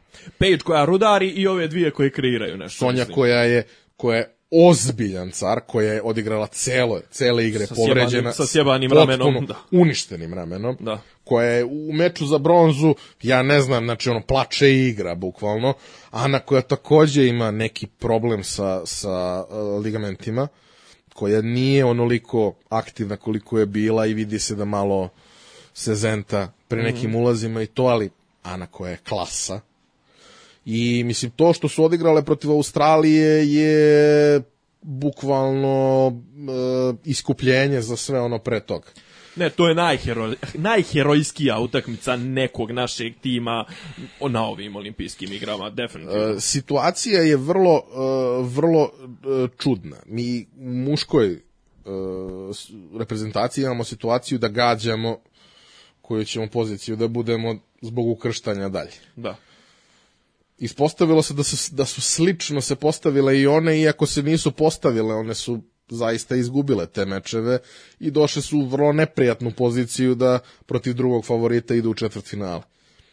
Mnoge reprezentacije bi se predale u tom trenutku, one se nisu predale ni u jednom trenutku tog meča i dobile su taj meč i to je zaista, zaista apsolutno e, fascinantna jedna količina energije koja je rezultovala time da izgube Ne, polufinale. ljudi, ljudi uopšte kod nas ne kapiraju, mislim, kapiraju, ali, znaš, ono, kao, ljudi uopšte ne kapiraju šta je, šta je Australija u ženskoj košarci. Mislim, mi smo i taj, to čuveno, Arbutina je bila protiv Australije, a znači, ljudi su pet, za zadnjih pet olimpijada, oni imaju medalju, ženska, ženska košarkaška reprezentacija Australije, mi smo njih poslije 20 godina ostavili bez medalje, što je, mislim, videlo se na njihovim licima koliko su one žene u šoku. Na nas je kvota bila nešto šest, mislim, nešto... Šta, e, jedna stvar, mislim, opet ne bih voleo da zvučim uh, omalovažavajuće prema našim igračicama i prema reprezentaciji i prema svemu tome, ali uh, kada gledaš mušku odbojku, to je jedan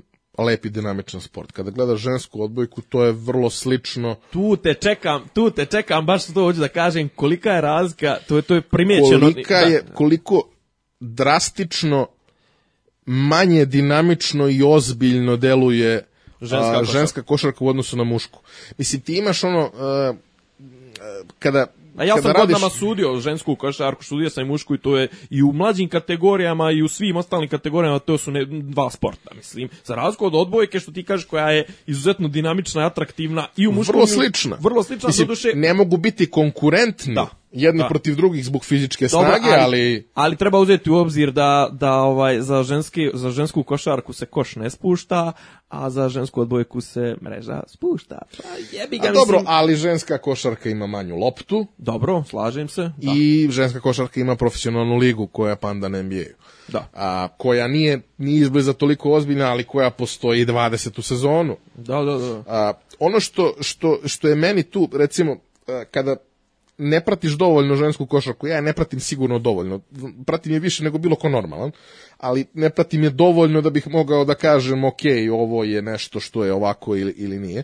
A, ti kada gledaš profesionalnu košarku kod muškaraca, deset najboljih timova na svetu, ti računaš da će svako šutirati slobodna bacanja preko 80%, odnosno da će ekipe šutirati bacanja preko 70 ili 80%, da će otvoreni šutevi ulaziti, da će ziceri ulaziti. Da, da, To da ne jedan, važi jedan, u, jedan u sto ulaza neće ući, ne slučajno. Kod košarkašica to prosto ne postoji. Kako one nekad daju 90 ili 100 poena, meni je fascinantno. Znači, to, to izgleda isto kao kad muškarci daju 200. A vrlo redko se dešava. A, mislim, Osim novo, dešava. eventualno novo staro do gure i do 170. Tako da, s te strane to jeste uh, uh, čudno. Zašto, to je, uh, zašto je to problem? Zato što ti to takva situacija sa igrom i toliki broj promenjivih ti onemogućuje da praviš nekakve velike razlike, preokrete i tako dalje. Mislim, ti imaš situaciju sada, recimo, a, ako se dobro sećam, to je bio meč za, za, za treće mesto, a možda je bilo i polufinal, mislim da za treće mesto. Imaš Sašu Čađo, koja je meni jedno beskrajno simpatično stvorenje, što bi izgleda onako kao, kao jedan dobri hrčak koji, koji se stalno raduje svemu. Saša Čađo koji ono, realno, mislim, ne čuvaju toliko striktno kao ove dve, koja pogađa dve trojke. To se gotovo da se ne dešava. Da, da, da. Sa druge strane imaš KD-a koji je nama dao šest. Jebi ga. Mislim, prosto potpuno je I preko ruke i svakako. je. potpuno je e, različit sport što se toga tiče Apsolutno. i sa te strane negde je i logično da možda nije ni toliko atraktivan i sve. Ono recimo što čega, čega se ljudi često dotiču, pa mislim da nije loše da povučemo tu paralelu čisto da ljudi vide e, kolika je razlika u ozbiljnosti svega toga. A, bila je ta priča kako je Novak u nekom trenutku izjavio da nije fair da muški i ženski teniseri, odnosno teniseri i teniserke imaju iste honorare. I onda je on ispao seksista i tako dalje, onda, se on, onda je on objasnio i više ga nisu dirali po tom pitanju, ali e, činjenično stanje je da u većini sportova to nije ni približno isto, a da u tenisu jeste. A, da je u tenisu to na silu izjednačeno u prethodnih 15 godina, da je počelo 80-ih, da je trend negde prihvaćen 2000-ih, da su neki turniri izjednačavali to 80-ih pa odustajali, pa neki su 90-ih, ali da se to ozbiljnije počelo dešavati tokom 2000-ih, naročito 2006. na ovam.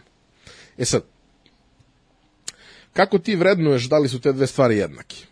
Možeš da vrednuješ na osnovu mnogo kriterijuma, ali jedan osnovni kriterijum kada je masovni sport u pitanju, odnosno uh, uh, me, medijski propraćen sport u pitanju je broj gledalaca. Broj gledalaca koji gleda ženski sport je neuporedivo manji nego broj gledalaca koji gleda muški sport. Uh, I na samim događajima što se tiče posete turnirima i što se tiče prenosa. E sad, a, Časni izuzeci, beach volley, odbojka. o- pričamo konkretno, pričamo konkretno o tenisu. Uh, uh, naravno postoje izuzeci i u slučaju tenisa kada, kada ženski tenis je veliku gledanost, ali to je retko. Uh, ima još jedan faktor kojim možemo da, da, da se vodimo. To je bre radni sat. Žene igraju na dva seta i to uglavnom igraju prilično kratke, na dva dobijena, muškarci igraju na tri. Uh, jednostavno, to je u proseku 40% manje vremena provedeno na terenu za iste pare Da. da tako kažem. Dakle, ja smatram da to nije fair. A, to ne znači da žene ne treba da dobijaju dobre honorare, misli da treba da dobijaju dobre honorare. Odnosno Mislim, da ne treba za isti posao da dobijaju iste pare. ok, Jer, sad si lepo istakao, one rade manje. a, Provode na terenu manje. Serio, provode je na ra- terenu manje rad, i e, manje. manje ljudi to smatra interesantnim. To su Pa dva da, ali, ali to ispra, is- ali ispada smo mi seksisti zato što više volimo muškarca da gledamo nego žene. A nije, ali Ja mislim da to nije stvar od Ne, toga, ne nego prosto činjenice da ljudi ja, ja mnogo volim tenis. Ja mnogo volim i muški i ženski tenis, ali e, e, nije interesantan sport u kome postoji e, osoba koja se zove Serena Williams, koja ako je zdrava ne može niko da je pobedi nikad, nigde. I e, ostali turniri se osvajaju po sistemu neko klikne dugme i izbaci random odgovor i taj odgovor će osvojiti turnir.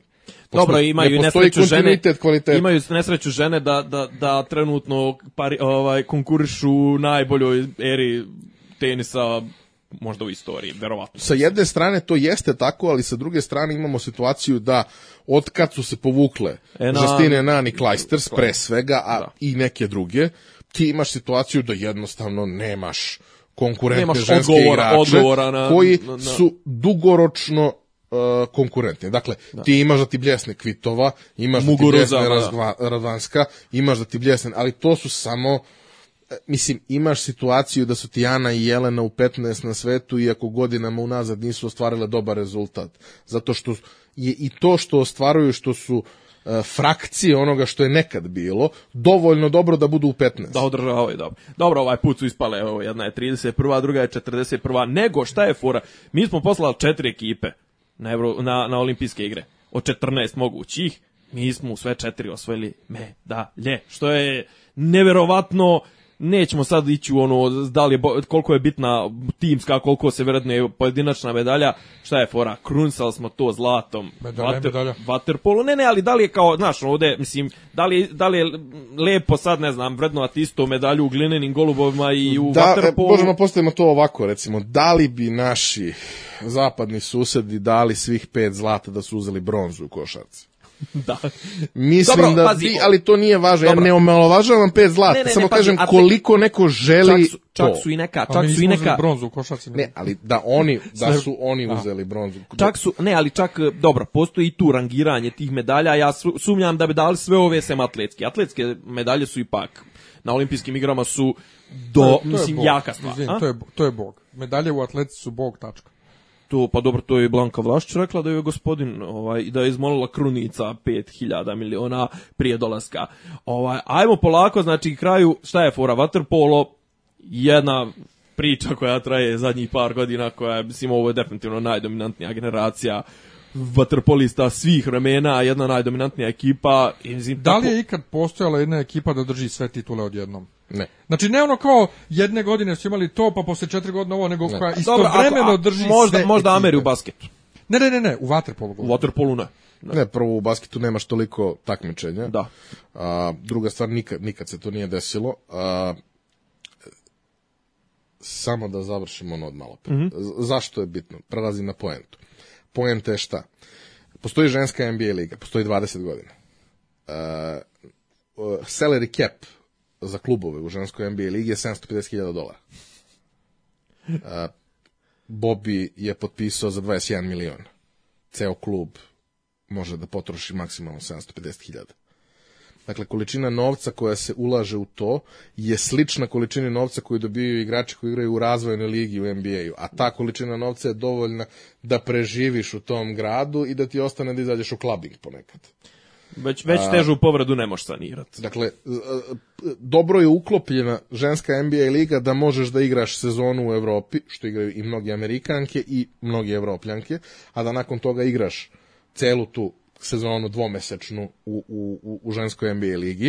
E, to jeste za naše uslove dobra količina novca koju te igračice dobijaju, ali objektivno nivo profesionalizma tog sporta je mnogo, mnogo niži, jer tu jednostavno nema dovoljno novca. Nema dovoljno ni interesovanja, ljudi te utakmice su gotovo uvek prazne.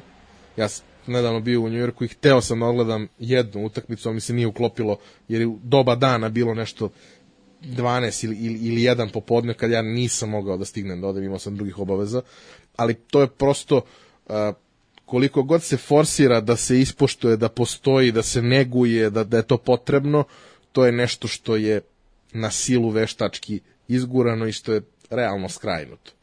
Uh, I sa te strane je negde jasno zašto postoji ta tolika razlika između ženske i muške košarke. Da, postoje ta Mika Catchings i postojala je Eliza Leslie i što je jasno je da, je- da je Reggie Miller celu, celu svoju karijeru bio kompleksan jer ga je sestra dobijala, a nažalost u njeno vreme ženska NBA liga nije postojala. Da, pa dobro, i Raza je igrala žensku NBA ligu s naših prostora. E, imali smo mi u nekoliko perioda od tih 20 godina, mi smo u nekoliko perioda imali igračice koje su igrale po nekoliko sezona, ali je to uvek bilo da imaš jednu igračicu, da je loša atmosfera u reprezentaciji, da niko ne želi da igra za reprezentaciju. Sada prvi put imamo situaciju da bi većina ovih devojaka da pronađe svoje mesto tamo, a da imamo Jelenu Milovanović koji ima neko prethodno iskustvo, da sada aktuelno imamo Sonju Petrović i Janu, Da. da tu postoji prostor i za ove mlađe još više. Nego da se prebacimo na vaterpoliste. A Ja bi iskreno rečeno bio najtužniji da su oni izduvali. Meni, je, meni su oni jednostavno, toliko su baksuzi bili i svega je tu lošeg bilo na prethodnim olimpijadama, a ljudi su zasluživali i ranije zlato, tako da mi ovo bilo definitivno ispunjenje. Od, o, tu sam očekivao i tako je bilo nekako poštimano, ovo ostalo sve su bila u ekipnim, može se reći iznenađenja, ali ovde stvarno, ne do bog da nisu osvojili medalju, u stvari, ne do bog da nisu osvojili zlato, a tek medalju to bilo stvarno prema tim momcima nepravedno i tako da ovaj tu, s te strane znaš ono kad kad otprilike desi se nešto što si iščekivao i ono kad prođe meni je nekako kažem, posle toga je bila još ostala samo utakmica muška i ono znalo se protiv Amera da nemamo neke velike šanse i bilo je otprilike ajde, za srebro puna šaka brade. Ali ovo je bilo, ovo je bilo prvo pod broj bilo je klimavo, ljudi moji, vi, vi možda niste gledali, ja sam gledao utakmicu protiv Australije u 4 ujutru i ne znam, protiv Japana u stvari i protiv Australije je bila neka druga. Znači, nama je bilo upitno da li ćemo se plasirati do, do, čet, do, do, do Treće zadnja dva kola. Do zadnja dva kola, do, znači... ne do zadnja dva kola. Do treće Ne, morali smo da dobijemo poslednje utakmice morali koju smo smo da dobijemo gubili. Japana, da, i znači pazi Japanci koji su ono metar 70 i šta već, mislim, Japanci koje mi trpamo redovno 17 7 21 5 i to mi prvu četvrtinu gubimo protiv njih 5-2, znači ne, ne, ne idemo dalje. I znači Govoriš o vaterpolu. govorimo o vaterpolu. Znači U svim mečevima je bila situacija da smo mi gubili dosta, da smo stizali, u prva dva smo uspeli da izguramo Egal. na nerešeno, u trećem smo stigli pa izgubili da. i onda smo došli u situaciju da se koljemo na svaku loptu, Posljednje dvije utakmice da Australiju na klanje, na, na, na bukvalno, bukvalno na krv, sileđistvo, na sileđistvo. krv u onoj, u onoj bari u bazenu Da, koja je bila sa zele- onim, zelenom, sa onim, s onim strašno, algama, s onim s- nečim. Strašno. I da onda ideš, kao ideš rasterećeno na Japan da ih napuniš i nema ništa rasterećeno, znači Kreće meč koji kreće katastrofalno, koji u jednom trenutku oni imaju četiri gola prednosti, ja mislim, tri su imali, sigurno mislim da su imali četiri u jednom trenutku. Da, 6-2, I da. kao, šta ćemo sad? Ok, mislim, uh, ti ljudi su toliko dobri u tome što rade i dominantni i toliko su promenili taj sport, napravili su četiri evolutivna koraka u jednoj generaciji. Znači, to više nema veze sa onim vaterpolom od pre 10 godina, a ne više unazad. Ali ti dolaziš u neku situaciju u kojoj zaista više ne znaš šta se dešava. Jasno ti je da nešto nije u redu. I sad se moliš se Bogu da nije problem u međuljudskim odnosima, jer a, koliko smo imali prilike da, da, da vidimo do sada, a, najveći zapravo kvalitet svih tih reprezentacija što su bile porodice. I vaterpolisti, i košarkaši, i košarkašice, i odbojkašice, što je hemija bila na nivou kakav je nezapamćen kod nas. I, i čak i između ekipa, jer ovaj, evo gledao sam, danas sam gledao doček na aerodromu i ove neke konferencije za štampu, znači svi su, svi koji su izlazili su pozdravljali sve ostale olimpijske timove Srbije, sve ostale olimpijice, sve ostale osvajače medalja, stalno smo viđali košarkaše na vaterpolo utakmicama, košarkašice, odbojkašice na košarkaškim utakmicama, vater, mislim, kako ko je stizao, i to Naravno. nešto je, znači, to, to je šljakalo, mislim, danas se ovaj Gocić i uh, Savić i svi su se zahvaljivali ostalim i kako to, kako to osjećali, mislim, tu, tu, i to, to mi je bilo, mislim, uvijek, uvijek se obradujem kad vidim naše iz drugih sportova na tribinama i vidiš da su ono, da, da gore i to je, baš ne sjećam se kad je zadnji put ovako dobro, bilo. valjda druga fora je bila, što je ovo, mislim, u Londonu su bili razbacani, jel tako, ovi uh, mjesta gdje se održavala takmičenja, a ovdje su bukvalno svi bili na tom nekom malom ostrvu, nemam pojma, prilično blizu bili, mislim. Jesu, prilično blizu bili i u Londonu su bili prilično blizu, ali je drugačije sve bilo organizovano. U Londonu ti je bilo gotovo nezamislivo da možeš da stigneš sa jednog na, na nešto drugo. Da, da. Ok, novinari odu na pola pa dođu, ali ne možeš to da radiš kao sportista. Uh, uh, mislim da je mnogo toga uticalo, ali da, da, je, da je posljedica uh, sama uh, te činjenice da su oni bili toliko bliski i toliko da je toliko zajedništvo vladalo među njima upravo i, i taj rezultat koji se desio. I uh, ja kažem samo sam se nadao da ne postoji problem između vaterpolista. Ispostavilo se da zaista ne postoji da jednostavno Nije ništa od tog dana. Ma poslije toga, poslije toga kad je krenulo na ispadanje, to je bila ta ekipa koja je pokazivala klasu, mislim, postoji prethodnih uh, godina. jedna, jedan uh, trenutak u vremenu koji je bio ključan za ove olimpijske igre. A to je osvajanje zlata Davora Štefanek. Očigledno. Znači, uh, I odlazak to. to je, to je, okej, Ja da. koincidirao s tim, jeste. Pa, d- Malo par ranije, dana, malo ali ranije to uh, otišlo. šta je, šta je je tu? onaj stenč, ono, da. Postoji, ti imaš A ovo kad kažu pročepilo. 100, 100, 103 sportiste tamo i oni su svi dobri. Ali nisu svi kandidati za, za neki visok plasman. Ti imaš određeni broj sportista od kojih očekuješ da će to biti zaista, zaista visoko. I da, neki od njih su malo razočarali rezultatom jer se verovalo da mogu više. Recimo Velja Stje- Stjepanović jednostavno očekivalo se da on može više. Ako je mogao pre četiri godine da bude konkurentniji, ovde kao je klinac, kao da. da mu je kao da mu je falilo kao da je malo promašeno sa pripremom. Nije on doživeo debakl, nije on bio katastrofalan, ali očekivalo se da može više. A to može više u nekim situacijama kada se druge okolnosti poklope može da znači medalju za jednog takvog takmičara.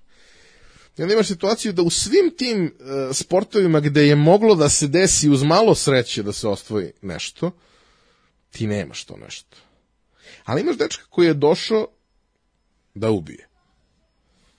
I on je došao po zlato i njemu to zlato niko ne bi uzeo. Dakle, e, celokupna njegova borba je bila takva. Ti si imao situaciju par dana pre toga u judovu Kukolj koji je takođe fantastičan. Iako je jako mlad, on je fantastičan, on je krenuo jako dobro, u drugoj borbi nije imao sreće. Gotova priča, nema popravka, to je disciplina u kojoj jedna sekunda tvoje nepažnje znači da ideš kući.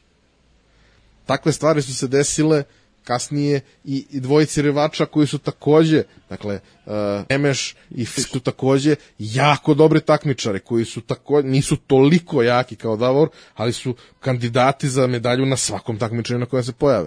Nisu imali sreće. Nisu imali sreće, takav im je sport, ali on, dečko, uradio to što je uradio i prokinuo, što kažu. Znači, probio, ljudi su shvatili da može. I onog trenutka kad su shvatili da može, stvari su krenule da se dešavaju. Ljudi, desetog dana olimpijskih igara mi nismo imali ni jednu medalju. Sedam dana kasnije imamo ih osam. A mogli smo ih uz malo sreće možda imati i više. Imamo Što tu bi rekao situaciju- šarenac dvocifren.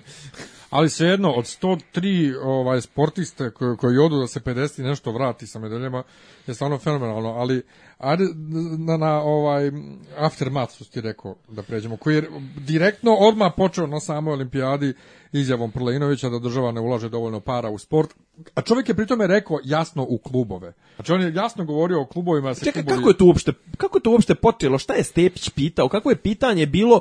e, Za, ka- kako se uopšte došlo do Ne, te nešto ga je pitao, ne, ne, pitao ga je nešto, nešto ga je tipa pitao e, šta mislite... Šta, šta, hoće li ova medalja sada Ne, ne, ne, ne, pitao ga je, tipa... ne, ne, pitao ga je nešto tipa šta država može da učini ili nešto u tom fazonu. A onda on rekao, vi novinari nas pitate bez veze, vi sami dobro znate sve i bla bla, klubovi se zatvaraju, a mi bla bla. ne, ne, ne. A, Kako je a, ja se ne sjećam šta je bilo pitanje, ali pitanje nije imalo veze sa, sa odgovorom toliko.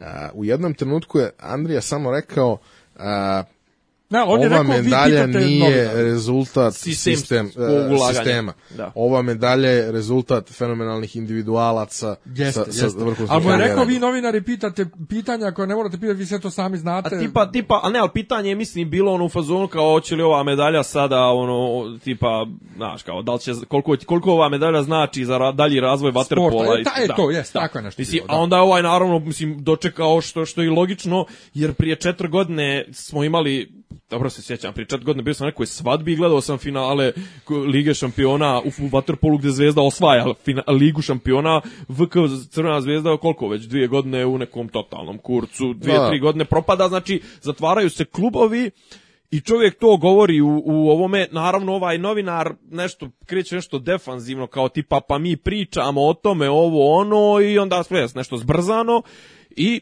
šta se dešava sutra ujutru se najavljuje konferencija za štampu gdje se kaže da će se da će se ovaj odgovarati na to da li ima ulaganja u sportu nema ulaganja u sportu. Ja sam rekao već na, ovaj prije ove emisije različite su stvari nagraditi sportistu za dostignuto i stvoriti uslove da se što više ljudi bavi tim bavi sportom, što veću bazu da imaju što da imaju što bolje uslove. E, Ti si mi, Ne, ne, mi- ovaj- skrati to jednostavno na klubove. Aha. Dakle, ne moraš da pričaš o tome da se stvori što više ljudi, uslovi, bla, bla, bla.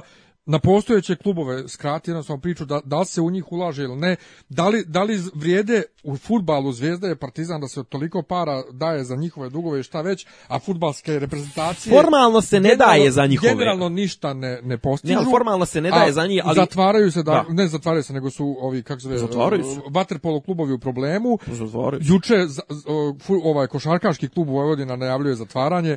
Pa ne, u međuvremenu, međuvremenu ti je recimo nestao ti je ovaj, uh, vaterpolo klub radnički koji jeste bio Mislim, niko nije tu dao pare iz svog džepa da se ne lažemo. Mislim, to je bio više, i to je bio politički projekat. I zašto je toliki problem da jedan sportista ili bilo ko kaže tako nešto javno? Zašto je sad to zašto mora Štefanek da reaguje da kaže boga mi nije tačno država ulaže stipendije bla bla. Okej, brate, u tvom sportu Da, možda. da. Možda u tvom sportu. I u Doduše on je rekao u mom sportu. Da, i rekao u svom sportu i druga stvar, Štefanik je vrhunski sportista i u njega i treba da se ulaže i logično jer je on potencijal da donese medalju, na kraju donio medalju. Ne, ne, nije problem njega lično, sad Ne, opet u klubovima. ne, ne, ali govorim, pazi, ko zna kakvih je potencijalnih šte, Štefanika odustalo od rvanja, zato što u tom trenutku nisu bili. Znaš, ono, mislim, deve, vraćam se uvijek na primjer Đokovića. Đoković, možemo mi misliti o onome nesretnom Srđanu i, i, i Goranu, šta hoćeš da misliš, ali taj Srđan i Goran su dupe odrali i, i, i prodavali, ovaj, ne znam, palačinke na Koponiku i to sve. On sad, problem, ja imam problem s tim što on traži da to, da se to sad nekako rekompenzuje za, za silan, ovaj, mislim, silnu pozitivnu sliku koju Đoković stvara, ali na, nesporno je da je on čovjek uložio to su cifre verovatno desetine hiljada ili stotine hiljada ozbiljne valute ovaj u, u, u, u smislu uložio u svoje dijete. Kažem, on je imao tu sreću. Možda je bio neko koji je još veći talent, mada stvarno mislim da, da nije u, u Srbiji u zadnjih 20 godina ili 30 godina sigurno nije bilo većih talenta za, za, za tenis, ali ovaj ali problem je šta je problem su znači različiti su aspekti. Gdje je problem to što ti kažeš zašto je izazvalo ovakvu reakciju? Zato što jedan čovjek misli da je država to sam ja i onda je on to shvatio kao napad na sebe što nije bilo potrebe za.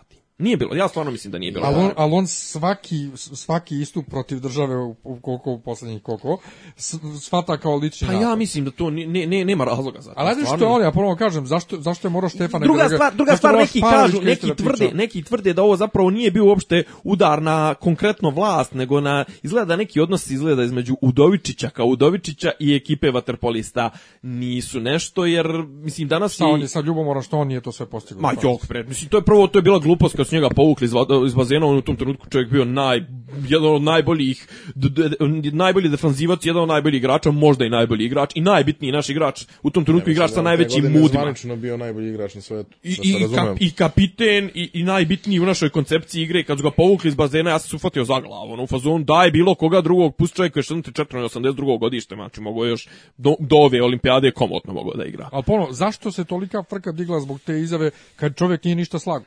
Pa zato što ne smiješ da rušiš sliku da nama ide dobro. Ja ne mislim da je stvar u tome. Ja mislim da je to iskorišćeno kao PR potencijal da se uh, pokaže narodu da država brine. Mislim, ne ulazim u to šta radi premijer, prosto jednostavno ne želim da se bavim time, ali a, čini mi se da a, to nije odgovor sportisti, to je odgovor narodu. I ceo odgovor je koncipiran tako da se kaže ti si dečko car, svaka ti čast, ali mi ne damo, mi ovo, mi ono, što je u suštini PR stunt. A, zašto, zašto je to bitno? Mislim, a, njegovo ponašanje, bez obzira na sve, daje rezultate, to je apsolutno jasno svakome. A, ono što da se, nado, da se vratimo u jednom trenutku na nešto što smo pričali malo pre, a gde se vidi drastična razlika. Kažeš, a, a, mi smo kritikovali Saleta zbog toga svega što se dešavalo u pripremnom periodu. Da, jesmo. Jesmo, kritikovali smo Saleta. Postoji nekoliko razloga za to. Prvi razlog za to je što mi neopisivo volimo košarku. I taj period 10 godina kada, mislim realno 10 godina, kada mi nismo imali rezultate je bio uh, period u kome ti kao uh, ljubitelj sporta jednog specifičnog sporta, jer košarka je ovde najvažniji sport na svetu bez obzira na sve. Ti potpuno izgubiš identitet. I onda ti neko taj identitet vrati pa ti ga uzme, pa ti ga vrati pa ti ga uzme. Pa ti malo osjećaš tu u frci i, i, i krivo ti zbog svega toga. Sale a, Sale je nosilac harizme toga svega što smo imali u košarci. Sale je razlog zašto je ovo zemlja košarki. Nije Peđa Stojaković koji je bolji igrač. Sale je razlog zašto je ovo zemlja košarki. Nije, ni- nije Jer- ni divac koji je napravio tri put veću karijeru i mislim to, ali... to je ali- Sale. Sale Zašto je Sale? Muda. Zato što, tako je, zato što e, pokazatelj kakva smo mi teniska nacija je Tipsarević. Zato što je on lud. Znači, Novak je e, golden child, čovek koji ne gubi mečeve nikad. Novak, je najveći svih vremena. I onda se pojavi krivonogi Janko koji ne vidi dobro i nosi one naočare i otresa čoveka koji je 50 pozicija bolje plasiran od njega to je ono što, što, što, što je činilo a, ti sa jednim Novakom imaš situaciju da, da, da imamo najboljeg igrača na svetu, ali imaš i situaciju da ne možemo da pobedimo nikoga u Davis kupu. Onog trenutka kad si imao zdrave Janka i Viktora, imao si reprezentaciju koja ne može da izgubi ni od koga. A, u košarci jedan Sale ne bi napravio nikakvu razliku. On je imao sreću da bude okružen apsolutno neverovatnim košarkašima u svoje vreme, ali onog trenutka kada se lomi da li će da padne na jednu na drugu stranu mora neko lud da uhvati loptu. A on je taj. Kao što je danas Teo taj. A, Sale je šmekir. Sale razume i imao je priliku da doživi to, to sam i ja u nekom mom odrastanju i periodu kad sam se ja ozbiljnije, dosta ozbiljno bavio amaterskom košarkom, ti bre nisi mogao u bloku ako izgubiš, ti ideš kući jer nećeš više nikada da dođeš na red. E, Ti basketi su bili basketi gde se se viđale stvari koje danas ne vidiš u prvoj ligi. Tu je bilo ozbiljnih igrača, ozbiljnih igrača bez obzira na godine, visinu i sve ostalo. Tu je bilo situacija da dođe prvoligaški igrač da izgubi meč i da se pokupi da ode kući pognutog nosa. Ja sam sve to doživio, ja sam sa nekim od njih igrao. I to je to, to su neke neverovatne stvari. Imaš jednog takvog šmekera, nešto što e, e, količina, količina harizme koja bukvalno je veća od njega samog i onda imaš situaciju da taj deo PR-a nikako ne može da, da uskladi sa svojom harizmom. Da imaš situaciju da imaš konferencije sa štampom gde se, gde se on svađa, svađa sa novinarima, a počinju pripreme. Ne priliči Njemu. jednom Saši Pri, Đorđeviću. priliči Grofu Božoviću koji je si- sirovina iz Mojkovca, ali Sale tu ne Đorđeviću. priliči jednom takvom čoveku Da. koji ima takav tim i ima takvu reprezentaciju iza sebe da na taj način nastupa. Ja mu ne zameram što nije e, pozvao Bobija. Ja mu zameram što ni jednog trenutka nije objasnio šta se zaista desilo. Zameram mu što e, je situaciju u kojoj kaže e, Kuzmića, mislim, ja, ja bi ga zvao, on treba da bude deo, ali on će celo leto bude pod šatrom, jedna svadba, druga svadba, sestra, i onda taj isti Kuzmić igra letnju ligu i kreće na vreme pripreme sa zvezdom. E, eno ga, neki dan sam ga vidio, eno ga gore uzeo je onaj stan koji je dužio, inače, Jaka Blažić u mome kraju, pozdravio, isprozravio sam se s njim, ovaj, i Kuzmić je inače naš Dobojlija, tako da... ovaj- Zašto, čeka, ali zar nije Sale imao ono otvoreno pismo da je kao sve objasnio? U tom otvorenom pismu Sale nije objasnio ništa. Dakle, a, mislim, to prosto taj način komunikacije, to sve što se izdešavalo nije bilo dostojno toga svega i to je ono što mu se zamera. Nisi mi dao razlog zašto ga nisi pozvao. Jel razlog to što ti se ne uklapa u koncepciju? Sine, na kraju dana ti snosiš odgovornost za svoje rezultate, ja ti se ne mešam u Pa eto, koncepciju. dobio, dobio je srebro, šta hoćemo? Ne, okej, Ali nije pojento u tome. Komunikacija poenta- nije bila jasna. Da, da. Komunikacija, mislim, vidi, da a, li- Uključio čekaj, a se, uključio se u tu priču, je bila i priča da se zapravo, da postoji sukob, da je treći lik tu bitan, dobro, vi sad o, poznali- menadžer, ovo, Da li ono, mi mislim. uopšte imamo pravo da zahtjevamo ikakvo objašnjenje? Pa, to je stvar elementarne Da pristojnosti. Ako ti ne želiš da mi daš objašnjenje, to je potpuno u redu. Samo nemoj da me bullshituješ. Nemoj me bullshitovati, toliko od tebe ne očekujem to. Od nekog levog trenera, nekog priučenog uh, klinca koji pokušava da kupi sebi vreme, to mi je u redu. Ali od čoveka kao što si ti koji udaraš u glavu, očekujem da mi kažeš zašto se to desilo. čovjek sa najvećim igračkim integritetom i kad i, i automatski poslije toga i, i ljudskim mora znači Mislim da očekuješ se razumemo, ja bih mu i sad dao da šutne šut za pobedu. Pre nego bilo kome drugom.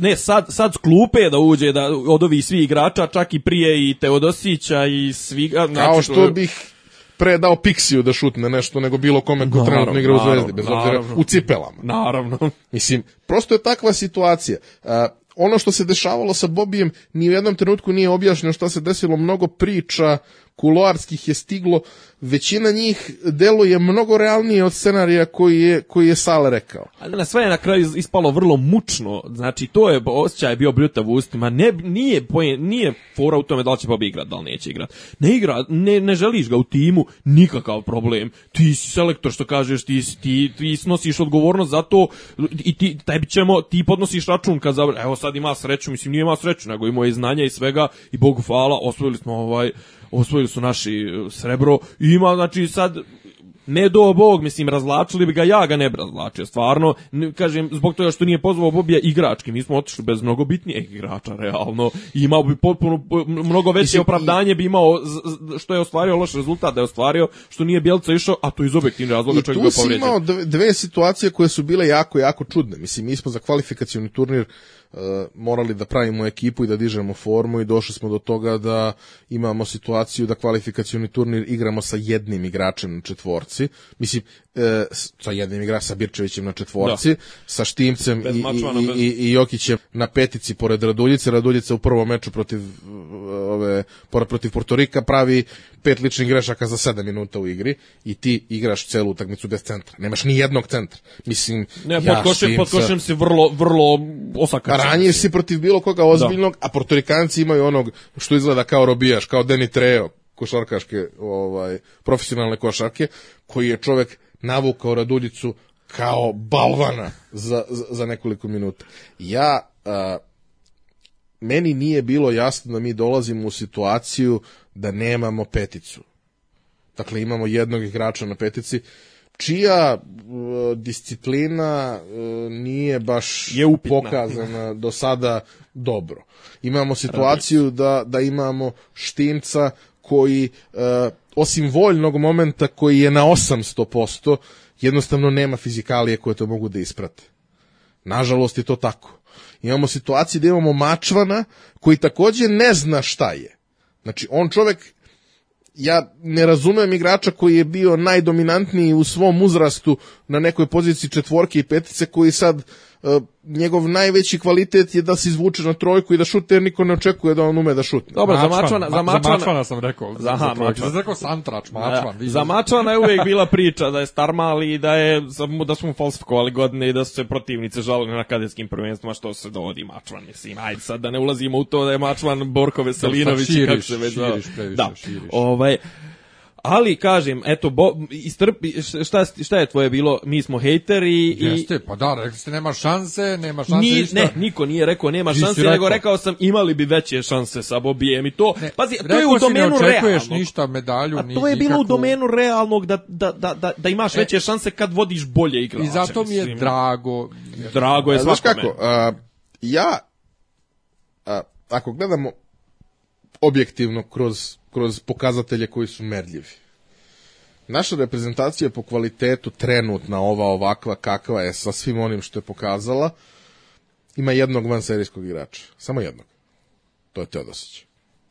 A, grobari često u, u diskusijama potenciraju to da mi imamo barem dva i da je Bogdan taj drugi. Bogdan nije pokazao To nije ništa. pokazao, nažalost, na Znači, ovom turniru. na celom turniru nije pokazao ništa, u finalu se osramotio, ja...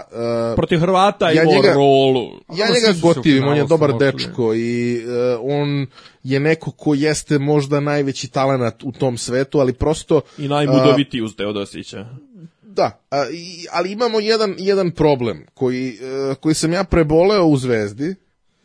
Preboleo sam ga, e, iako me jako boleo, a to je da e, Luka Mitrović više nije mlad igrač. Bogdan više nije klinac. Bogdan Znači, je 24 a, godine. u njegovo vreme Marko Jarić se povla, povlačio iz košarke. Mislim, to što je odigrao ozbiljno, do tad je odigrao. I osvojio je sve što, što treba da se osvoji. Pa Čovjek selektor, nakon 24 selektor, je, selektor je trpao trojku Juventudu s manje godina. Koliko se ja Prosto, sjećam. uh, kao da ne postoji, kao da, to je neko lepo objasnio, ovaj, možda, je, možda je moj dragi prijatelj Miloš Ivanović, ali nisam siguran, a možda i neko drugi. E, Bogdan ima problem da je preskočio jednu godinu košarkaškog razvoja i nikad, je, nikad je neće nadoknaditi. A, to je e, tužno i, i, i strašno i žalosno za jednog takvog igrača, a nije žalosno za Kalinu. E, Kalina nikad nije bio potencijal, on je Ma nije- dečko nije koji je to, voljnim naravno. momentom pravio razliku i dan danas je pravi. Ma, naravno. Meni je žao što on sada nije bolji šuter jer je bio, ali Kalinu kada pustiš na nekog, taj neko će evidentno imati ozbiljan problem u napadu. Neće se naigrat. A e, Bogdan je neko ko bi trebao da pravi razliku. Bogdan je neko ko bi trebao da sipa. Bogdan sipa mnogo U manje određenim, nego u određenim momentima koji su vrlo, vrlo, vrlo rjeđi to. Mislim, kao situacija sa, sa Cleon Thompsonom, koji je, koji je bez ikakve dileme apsolutno fantastičan igrač. Ali njega ako krene, krenuo, ako ga ne krene, možda ga ne krene na sedam utakmica zaredom i da ne postigne ništa. Znači, ti misliš da smo mi hejteri, ali mi nismo hejteri, evo ponadam se da smo malo razbili tu... Ja ne tu... kažem ništa za njega, ja Dobro. kažem za tebe i Aha. slične tebi koji... Ne, ne, mi, pa fazon- kažem mi, a, ti, Koji ti, su bili ti kao premijer, vi i ovi, ovi Ološ. Oli, ološ, Ološ. najveći ološ smo, ovaj, ti, ti si uvijek to, da, vi koji isto tako razmišljamo. E, Najveći ološ Varvara svih. rekao si, rekao znači, don, koliko smo osvojili medalja, 50 i nešto. Pa na B92 u naslovu piše 54, a u tekstu 53, tako da ne znam. Dobro. Ali recimo da je 53, ajde. Uglavnom, završen je i to, znači ima još nekih, vidjet ćemo kakve će biti posljedice. E, i po tome, znači, po, po broju medalja, po uh, takmičarima koji su otišli, mi smo najbolji. Dobro. dobro, ne, osvojili, pa dobro, I po, realno. broj, I po medaljama, po broju stanovnika smo vrlo visoko plasirani. A inače, da, i dalje SFRJ postoji i da se broje Mhm. sve naše medalje, bili smo isto tako negdje na drugom, trećem mjestu. I to bi bila najuspešnije, najuspešnije olimpijske igre u istoriji Jugoslavije. Čak i u odnosu na one što su Inače, ja moram da kažem, meni je, meni je mnogo žao što nije Crna Gora treća u, u Waterpolu, jer to bi bilo... I meni je, i meni je to, bi, to bi bilo stvarno onako Prvo, fantastično ne. vidjeti sve tri. I najbolji moment za mene ukinuli igara. bi, ukinuli bi vaterpolo tad. Najbolji moment za mene igara Da. je slika zagrljaja Savića i ovog hrvatskog jeste. trenera. Zašto je s- što su Hrvati sve vreme bili ljudi na utakmici na sudije, ne znam, nije i svađao se s sudijama i što je delovalo kao da je vrlo hostilna onako situacija između njih, ali kad se Ne, naši- zagrlili kao ok. Ne, ok, naši su poznati po tome da stalno sparinguju sa Hrvatima Pa da i se da ima razumemo, oni su svi prijatelji. svoji prijatelji dobro, do, mislim igraju zajedno, igraju zajedno u klubovima, mislim to je E, a, a, samo, mislim, ok, lagano je da završavamo, ali hoću sam nešto pitam, uh, kad je bila pre nekoliko godina da li na evropskom prvenstvu u Mađarskoj ili gde je bila ona tuča između A Dobut kad je nokautirao. Jel to bila ne, ne, tuča Dobut kad je između nokautirao u, u, u u Mađarskoj. Je to bila tuča između uh, navijača ili igrača? Ne, i to su dvije, dva su incidenta bila. Bila je 2003. je bila tuča navijača u Kranju. Ne, ne, ne, u sad Sloveniji. skoro u Mađarskoj, govorim, Ne, ne, tu je, tu je dobud nokautirao Filipovića, ja mislim, ili tako nekoga i mislim da je ono suspendovan bio do kraja takmičenja. mon. Tako nešto znam da je bilo, baš je bilo lo- loša. Jer Ali ga udario ga nikad- je pesnicom u, u, u vodi. Znači, ali, bez, bez nikad, lopte, ali bez nikad čega. nije bilo nikakve tuče između igrača Ne, sa ne, Hrvatima. ne, ne, ne, Zato što me jedna naša poznanica iz Amerike, kao onako, znaš, kako ljudi iz dijaspore prate, onako, po stranci kaže, kaže, čekaj, su Hrvati opet otišli, ovaj, sa, sa dodjele medalja.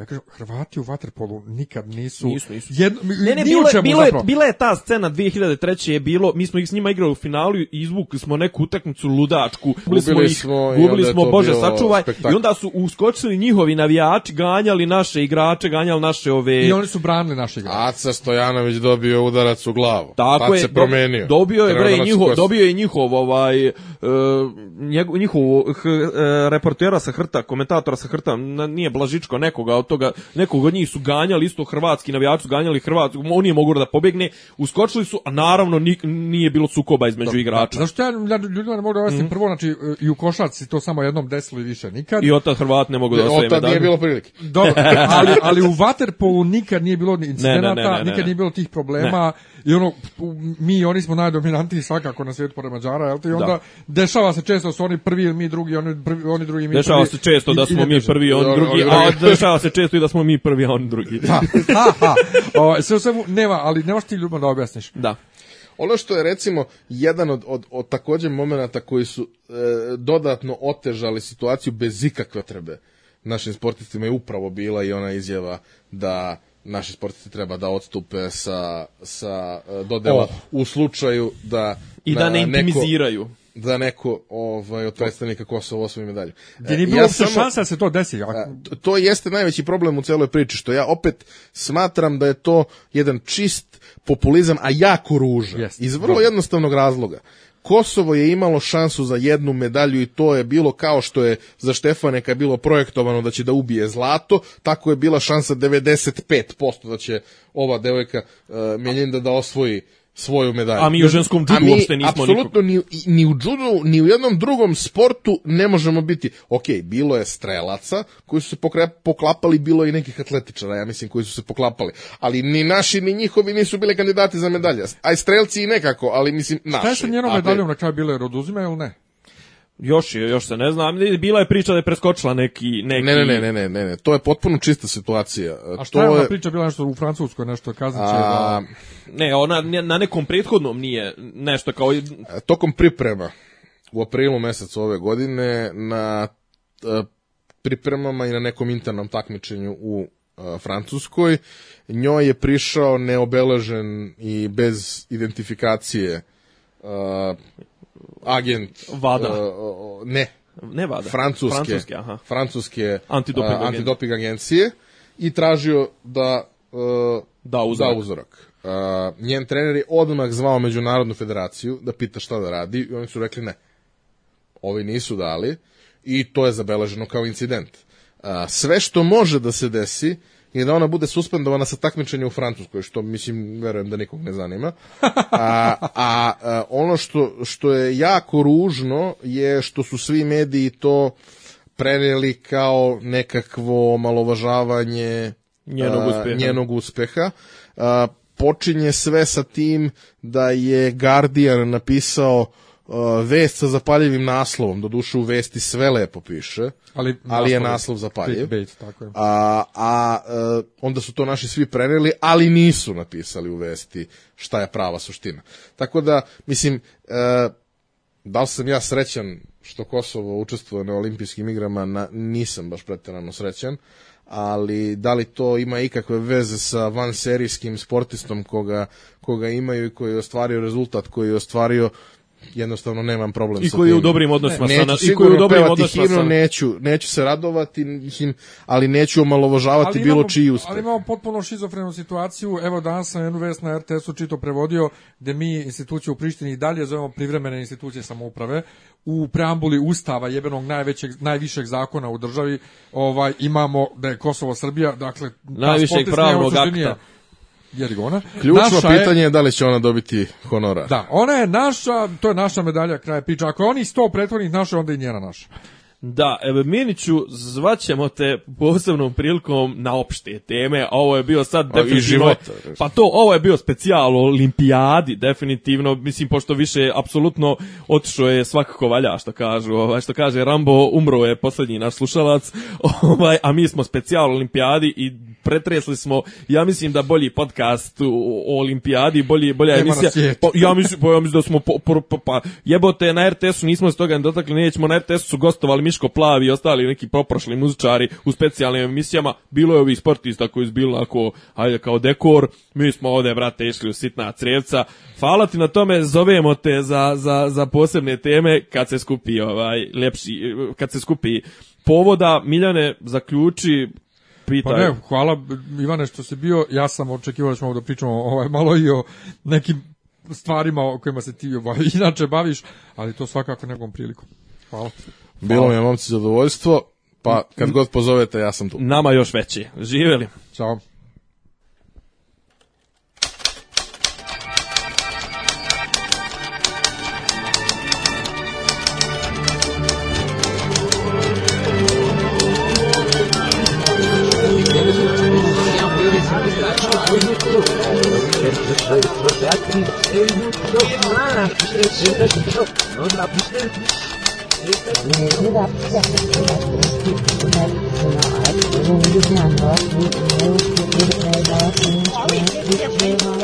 Oh,